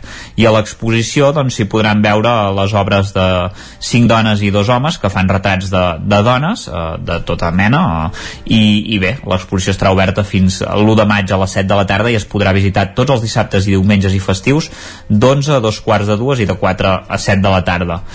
I el plat fort, diguéssim, d'aquest cap de, de setmana és aquest diumenge, perquè arranca una nova edició del cicle hivern-primavera del SAT Teatre Centre d'aquí de Sant Joan de les Abadeses, i ho fa amb una primera espasa, com és l'actor Pere Arquilloé, alguns de vosaltres doncs, el recordareu per, per moltes sèries i pel·lícules que ha fet, la darrera potser així famosa és la de la Riera, Uh, i serà doncs uh, aquesta actuació a les 12 del migdia al Palau de l'Abadia que vindrà amb l'espectacle Fil de Memòria de Gabriel Ferreter Arquilloé estarà acompanyat per la música i el so de Toni Ubach i recitarà doncs, una vintena de poemes de Ferreter doncs, amb l'objectiu que segons ell diu que la paraula agafi el cos, l'amplitud i el sentit uh, que ha d'agafar i, i bàsicament Fil de Memòria fa un repàs d'una part de l'obra poètica de Ferreter des d'In Memoriam, que és un poema més llarg i, i narratiu, fins a poemes de la seva última dècada. Les entrades anticipades, en aquest cas, costen 16 euros i es poden comprar a Code Tickets, mentre que taquilla costaran 20 euros. I també res per acabar, a partir d'aquest mes de març eh, comencen les visites programades a la Farga Palau, Escriptori i, i al Museu Etnogràfic eh, de Ripoll i mm, així de, per destacar-ne alguna hi ha la visita de fes de monjo copista a l'escriptòrium que s'ofereix la possibilitat de conèixer el passat cultural de la població i la importància també del, del monestir de Santa Maria que va tenir durant els segles eh, 10 al 13 amb la producció i còpia de, de manuscrits, aquí pots ser una mica de monjo, pots practicar la, la cal·ligrafia, diguéssim, i també doncs, visitar doncs, la Farga Palau, que recordem que és aquesta farga catalana que va tancar l'any 1978 i que posa una mica eh, en valor ja el patrimoni tecnològic que hi ha voltant del treball del ferro fent especial èmfasi en les fargues de ferro com intermediàries entre el treball artesanal i, i l'industrial que és el que com sabeu s'ha acabat doncs, imposant a, a la comarca. Bàsicament això és el que tenim aquest cap de setmana al Ripollès. Doncs Isaac Muntades, moltes gràcies. Amb veu de Pere Quilloé t'acomiadem. I Gràcies. Uh, del Ripollès baixem ara cap a Osona. Tenim ja en Jordi Vilarrodà aquí als estudis del nou FM. Jordi, molt bon dia. Hola, molt bon dia. I ens comentaràs algunes propostes per fer aquest cap de setmana en l'àmbit cultural a Osona i el Ripollès. Un cap de setmana marcat bé l'activitat entre cometes de Carnaval, teatres i auditoris el cap de setmana passat diguem que van programar poc uh -huh. perquè estava previst uh, fa 3 o 4 mesos que hi hagués el gran carnaval de Torelló que recordem que està ajornat fins que, a Maset exactament, uh. -huh. que, que després d'això es va desmuntar diguem tota la sí, previsió sí, sí, sí, però bé, és el que té viure en pandèmia, una pandèmia que per sort sembla que mica en mica anem deixant enrere, però vaja, d'activitats per aquest cap de setmana sí que n'hi torna a haver i forces, eh? i moltes vinculades sí. al 8 de març també. Exactament, eh, serà un dels fils conductors del que, de, de l'agenda que repassarem ara. De totes maneres, primer, abans del dia 8 de març, hi ha el Dia Mundial de la Poesia, que justament és aquest dijous, i eh, motiu d'això eh, hi ha un espectacle que organitza la Biblioteca de Manlleu, eh, la Biblioteca Municipal, eh, que tindrà lloc el dijous a les 7 de la tarda a l'auditori de l'antiga Caixa de Manlleu, i és un recital que es diu Rumbesia. Rumbesia és... Això vol dir que hi ha rumba i poesia? Rumbesia, potser millor... eh, Rumba i poesia, exacte. Vale, rumba i poesia endevinat. a càrrec de dos músics, el Tito José, el Josep Panzano i el Jordi Esteve, que són de Sant Cugat del Vallès i que fusionen música rumbera amb poesia molt clàssica, diguem, o molt del cànon català, de peles mestres de la Clementina Arderiu, d'en Martí Pol, de la Maria Mercè Marçal o de la Joana Raspall. Aquest recital, com dèiem, per celebrar el Dia Mundial de la Poesia aquest dijous. I ara sí que ja ens anem uh, de dret al cap de setmana. Doncs va, anem al cap de setmana. Agafarem com a fil conductor, dèiem, tot allò que hi ha relacionat amb el Dia de la Dona, perquè precisament, és clar s'han programat eh, espectacles on són protagonistes les dones amb motiu de d'aquesta data mm, que tant abarcarà doncs, aquest cap de setmana com el proper, com alguns dies de la setmana vinent també. Però bueno, comencem per divendres. Divendres tindrem eh, dues o tres propostes. Per exemple, una d'elles serà el concert de, de Shea Sisters a la sala La Canal de Tona a les 8 del vespre. um, D'hora, eh? Però bé, és, D'hora, és d'hora. això, la Canal Sí. de Tona programen a les 8, eh? I, Però sí, sí, per un divendres és... i a veure, i, i de fet eh, és un, eh, diguem, costum que havia començat doncs, eh, amb aquest temps de pandèmia que alguns llocs s'ha mantingut de eh, programar doncs, els espectacles amb un horari una mica avançat. I és aquest cas doncs, les Seis Sisters presentant els temes del seu últim disc el We Got You Back i seran a la canal el divendres. El mateix dia, el divendres i a la mateixa hora, a les 8 del vespre també hi ha proposta a l'Atlàntida relacionada amb aquest cicle que es diu En veu de dona. Eh, aquest cicle mm, que ja es porta a terme durant el mes de febrer i també durant tot el mes de març d'espectacles on les dones són protagonistes. En aquest cas ve una companyia de la Rioja que són el Patio Teatro. El Patio Teatro. El Patio Teatro, aquesta gent eh, fan un espectacle mm, el Patio Teatro són una dona, la Izaskun Fernández i el Julián Sáenz López que són els creadors. La Izaskun és mm, la que mm, representa l'espectacle. Es diu Conservando Memoria. Conservando Memoria va néixer de que ella va mm, pensar doncs, que comentant-ho amb, amb, amb gent doncs, que tenen els quatre avis vius que és una cosa que, que veia que mm, no es donava per desgràcia a, a molta gent del seu entorn. I llavors a partir d'aquí va començar a fer un treball de memòria a partir de la, de, dels seus propis avis o sigui, preguntant-los coses preguntant-los coses de la seva vida. I eh, construint a partir del testimoni que li havien donat els seus avis un espectacle que de fet és molt traslladable als avis de molta gent eh, i de tota una generació determinada és com una 20 preguntes que els hi va fer senzilles i després a partir d'aquí doncs va fer aquest espectacle amb una escenografia així doncs amb uns, amb uns pots eh, com si volgués conservar la memòria en, en, en uns pots d'aquests de conserves diguem no? Mm. Aquest muntatge que fa un parell d'anys que corre eh, té molts premis ja, o sigui molts premis entre ells de la Fira FETEN que és una dels principals que es fan a l'estat espanyol eh, o, o també a la Fira de Titelles de Lleida tot i que no hi hagi titelles aquí eh? Eh, i, i és una de les propostes mm, potents també doncs, eh, per aquest cap de setmana vinculades a, a, El 8 al de Dia de la març. Dona i el 8 de març i fins i tot podem incloure dintre d'això que el divendres en aquest cas a les 10 de la nit a la Jazz Cava hi ha un recital poètic o musical amb, amb Vladivostok que és una formació que hi ha la Maria Cabrera a la veu i l'Irene Fondavila al piano Amb el nom Eh, despisten, eh? Vladivostok. Sí, Vladivostok, perquè de fet... Eh, Si no són un grup de punk no, rus, sinó sí, que, no, no, no, no. que són Vladivostok és aquella ciutat que hi ha allà Sí. on s'acaba el Transiberià, que de fet Correcte. és, és, és a la banda del Pacífic, això ja. Van gravar un disc que es diu Flors que hi foren, que ve d'un poema, aquest és un fragment d'un poema de- d'en Carné, i, i, i, i doncs presenten l'espectacle en aquest concert que tindrà lloc a la Cava el divendres a les 10 de la nit. Continuem en clau femenina, en clau de dones, i ens anem ara al Sirvianum de Torelló, perquè al Sirvianum el diumenge hi ha una altra de les propostes interessants, molt vinculada també al Dia de la Dona, que és eh, Vega. Vega és un espectacle que fan la Paula Granda i l'Anna Ferrer i que el, el va produir el Cantut, que és aquest festival de cançó tradicional que té lloc a comarques gironines eh, i que ja doncs, ha produït un parell de discos i espectacles. En aquest cas, a partir de cançons cantades per dones grans que parlen de la seva vida, de, de, de la vida que portaven a terme aquestes dones grans. A vegades eh, parlaran doncs, de la cuina o de les feines de la llar o dels costums o de les cures o de ser mares o ser àvies del, dels papers de les dones. Llavors, inspirant-se amb aquestes cançons, la Paula Granda i l'Anna Ferrer agafa, les agafen i donen veu d'alguna manera doncs, a aquestes dones, aquestes mares i filles i nenes de tradició de, de, de generacions passades eh, fent-los un homenatge això es va gravar doncs, en un disc que va editar el segell Van Robert Que estem doncs, fa un parell d'anys de fons, I per cert. el que estem Sí, escoltant de fons, exactament i elles actuen a més a més amb, amb un grup de músics eh, entre els quals n'hi ha destacats eh? per exemple en Vic Moliner al contrabaix eh? patum de l'escena el nacional. de l'escena nacional, efectivament.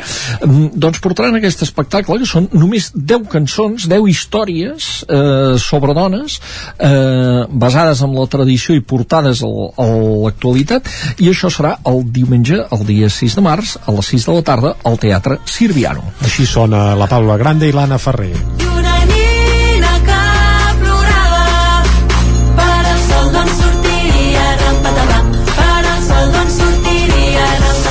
La cançó Tres Minyonets, que segurament sonarà al Sirvianum, i tant que sí.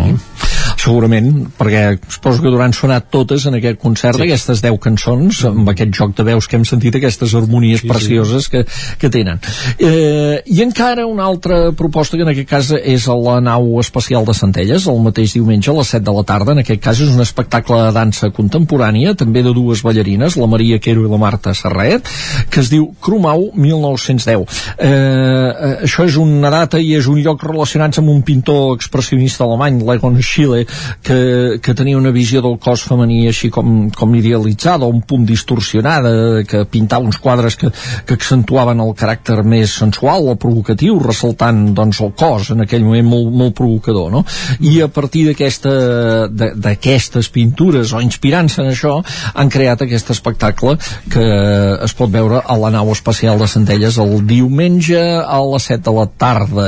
I bé, eh, encara hi podríem afegir el diumenge al migdia a l'Atlàntida un espectacle de titelles familiar a càrrec de Festuc Teatre. A vegades hi prestem poca atenció als espectacles familiars. I en val la pena, I val la pena. fer-hi Val esment, la perquè n'hi ha de moltíssims i de molta qualitat, i ja et dic que jo en consumeixo molts, a més a I- més, per una qüestió per qüestions familiar, familiars eh? òbvies, no? I la veritat és que sovint els pares i mares disfrutem tant o més que els, que els més doncs, doncs aquest eh, també el traiem aquí perquè eh, Festuc Teatre porta un espectacle de titelles basat en la, en la llàntia meravellosa la, la, el famós conte, però en aquest cas la protagonista és una nena, la Nur, que eh, el geni li ofereix, eh, el geni de la làmpara sempre ofereix allò, riquesa i poder i bellesa i no sé què, però la nena no vol cap d'aquestes coses, eh, vol un altre desig, eh, un altre desig més important per ella, que és el que veureu, el, si podeu anar a veure la llàntia meravellosa de Festuc Teatre a l'Atlàntida el diumenge a les 12 del migdia. En aquest cas la protagonista també és una nena. Molt bé. I, i ara aquí acabem el recorregut per aquest eh, vuitema, diguem, però queden més coses. Eh? tant, a l'Atlàntida mateix hi ha aquesta patum que sentirem ara. Aquest. Prova-ho ara, prova-ho ara un cop més, prova-ho ara, fes com si no cremés. Qui és Jordi? Però és un fenomen i complirà l'Atlàntida dues vegades. Dues vegades, dues vegades eh, qui no l'hagi reconegut, bé, suposo que tot Catalunya reconeix la veu d'en Joan Dausà, que és aquest que cantava ara, que acaba de fer un disc, eh, un disc que es diu Ho tenim tot, eh, i que acaba de sortir fa relativament poc, eh, que, que actuarà a l'Atlàntida, com dèiem primer, amb una sessió que havia de ser doncs, eh, a les 8 del vespre, però que després, donada l'acceptació i que es havia esgotat les entrades de la sala gran, de la sala Ramon Montanyà, va obrir una sessió nova a dos quarts d'onze de la nit, un altre concert que serà a dos quarts d'onze el dissabte, i aquest sí que serà en horari ja, diguem, postpandèmic, Sí, per entendre'ns. jo miraré d'anar-hi el de les 8 per això, eh? Ah, perfecte. Ja t'asseguro que hi aniré el de les 8. Sí, sí. sí, sí.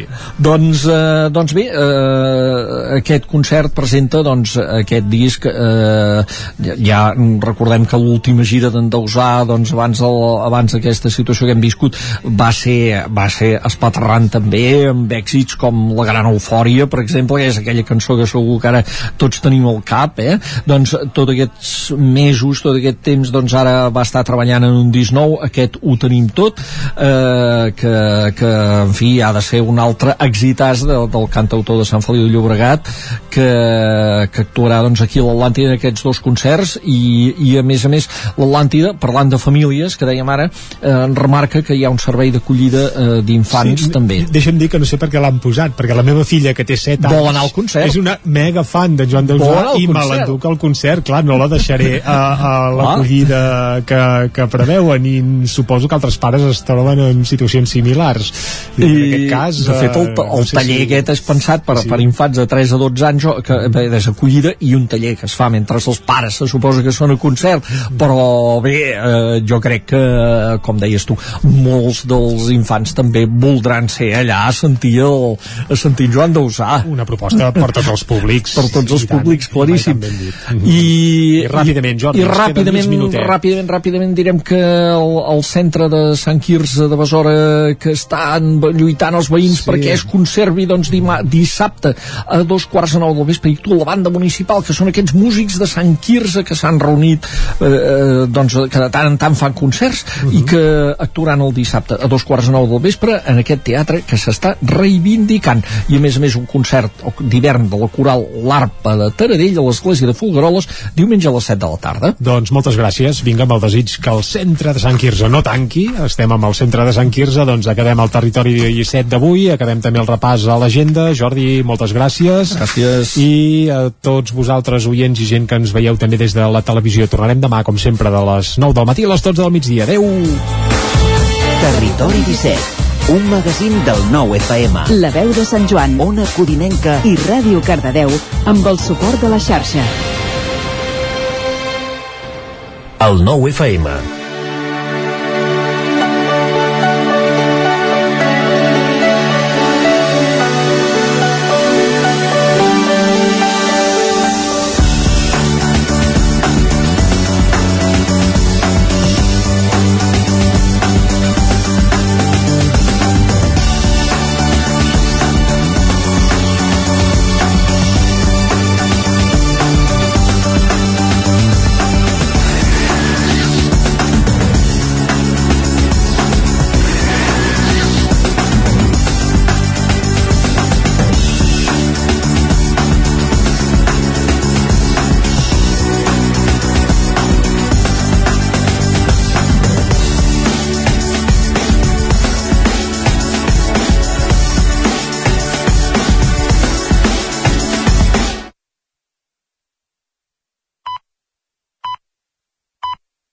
El nou FM, la ràdio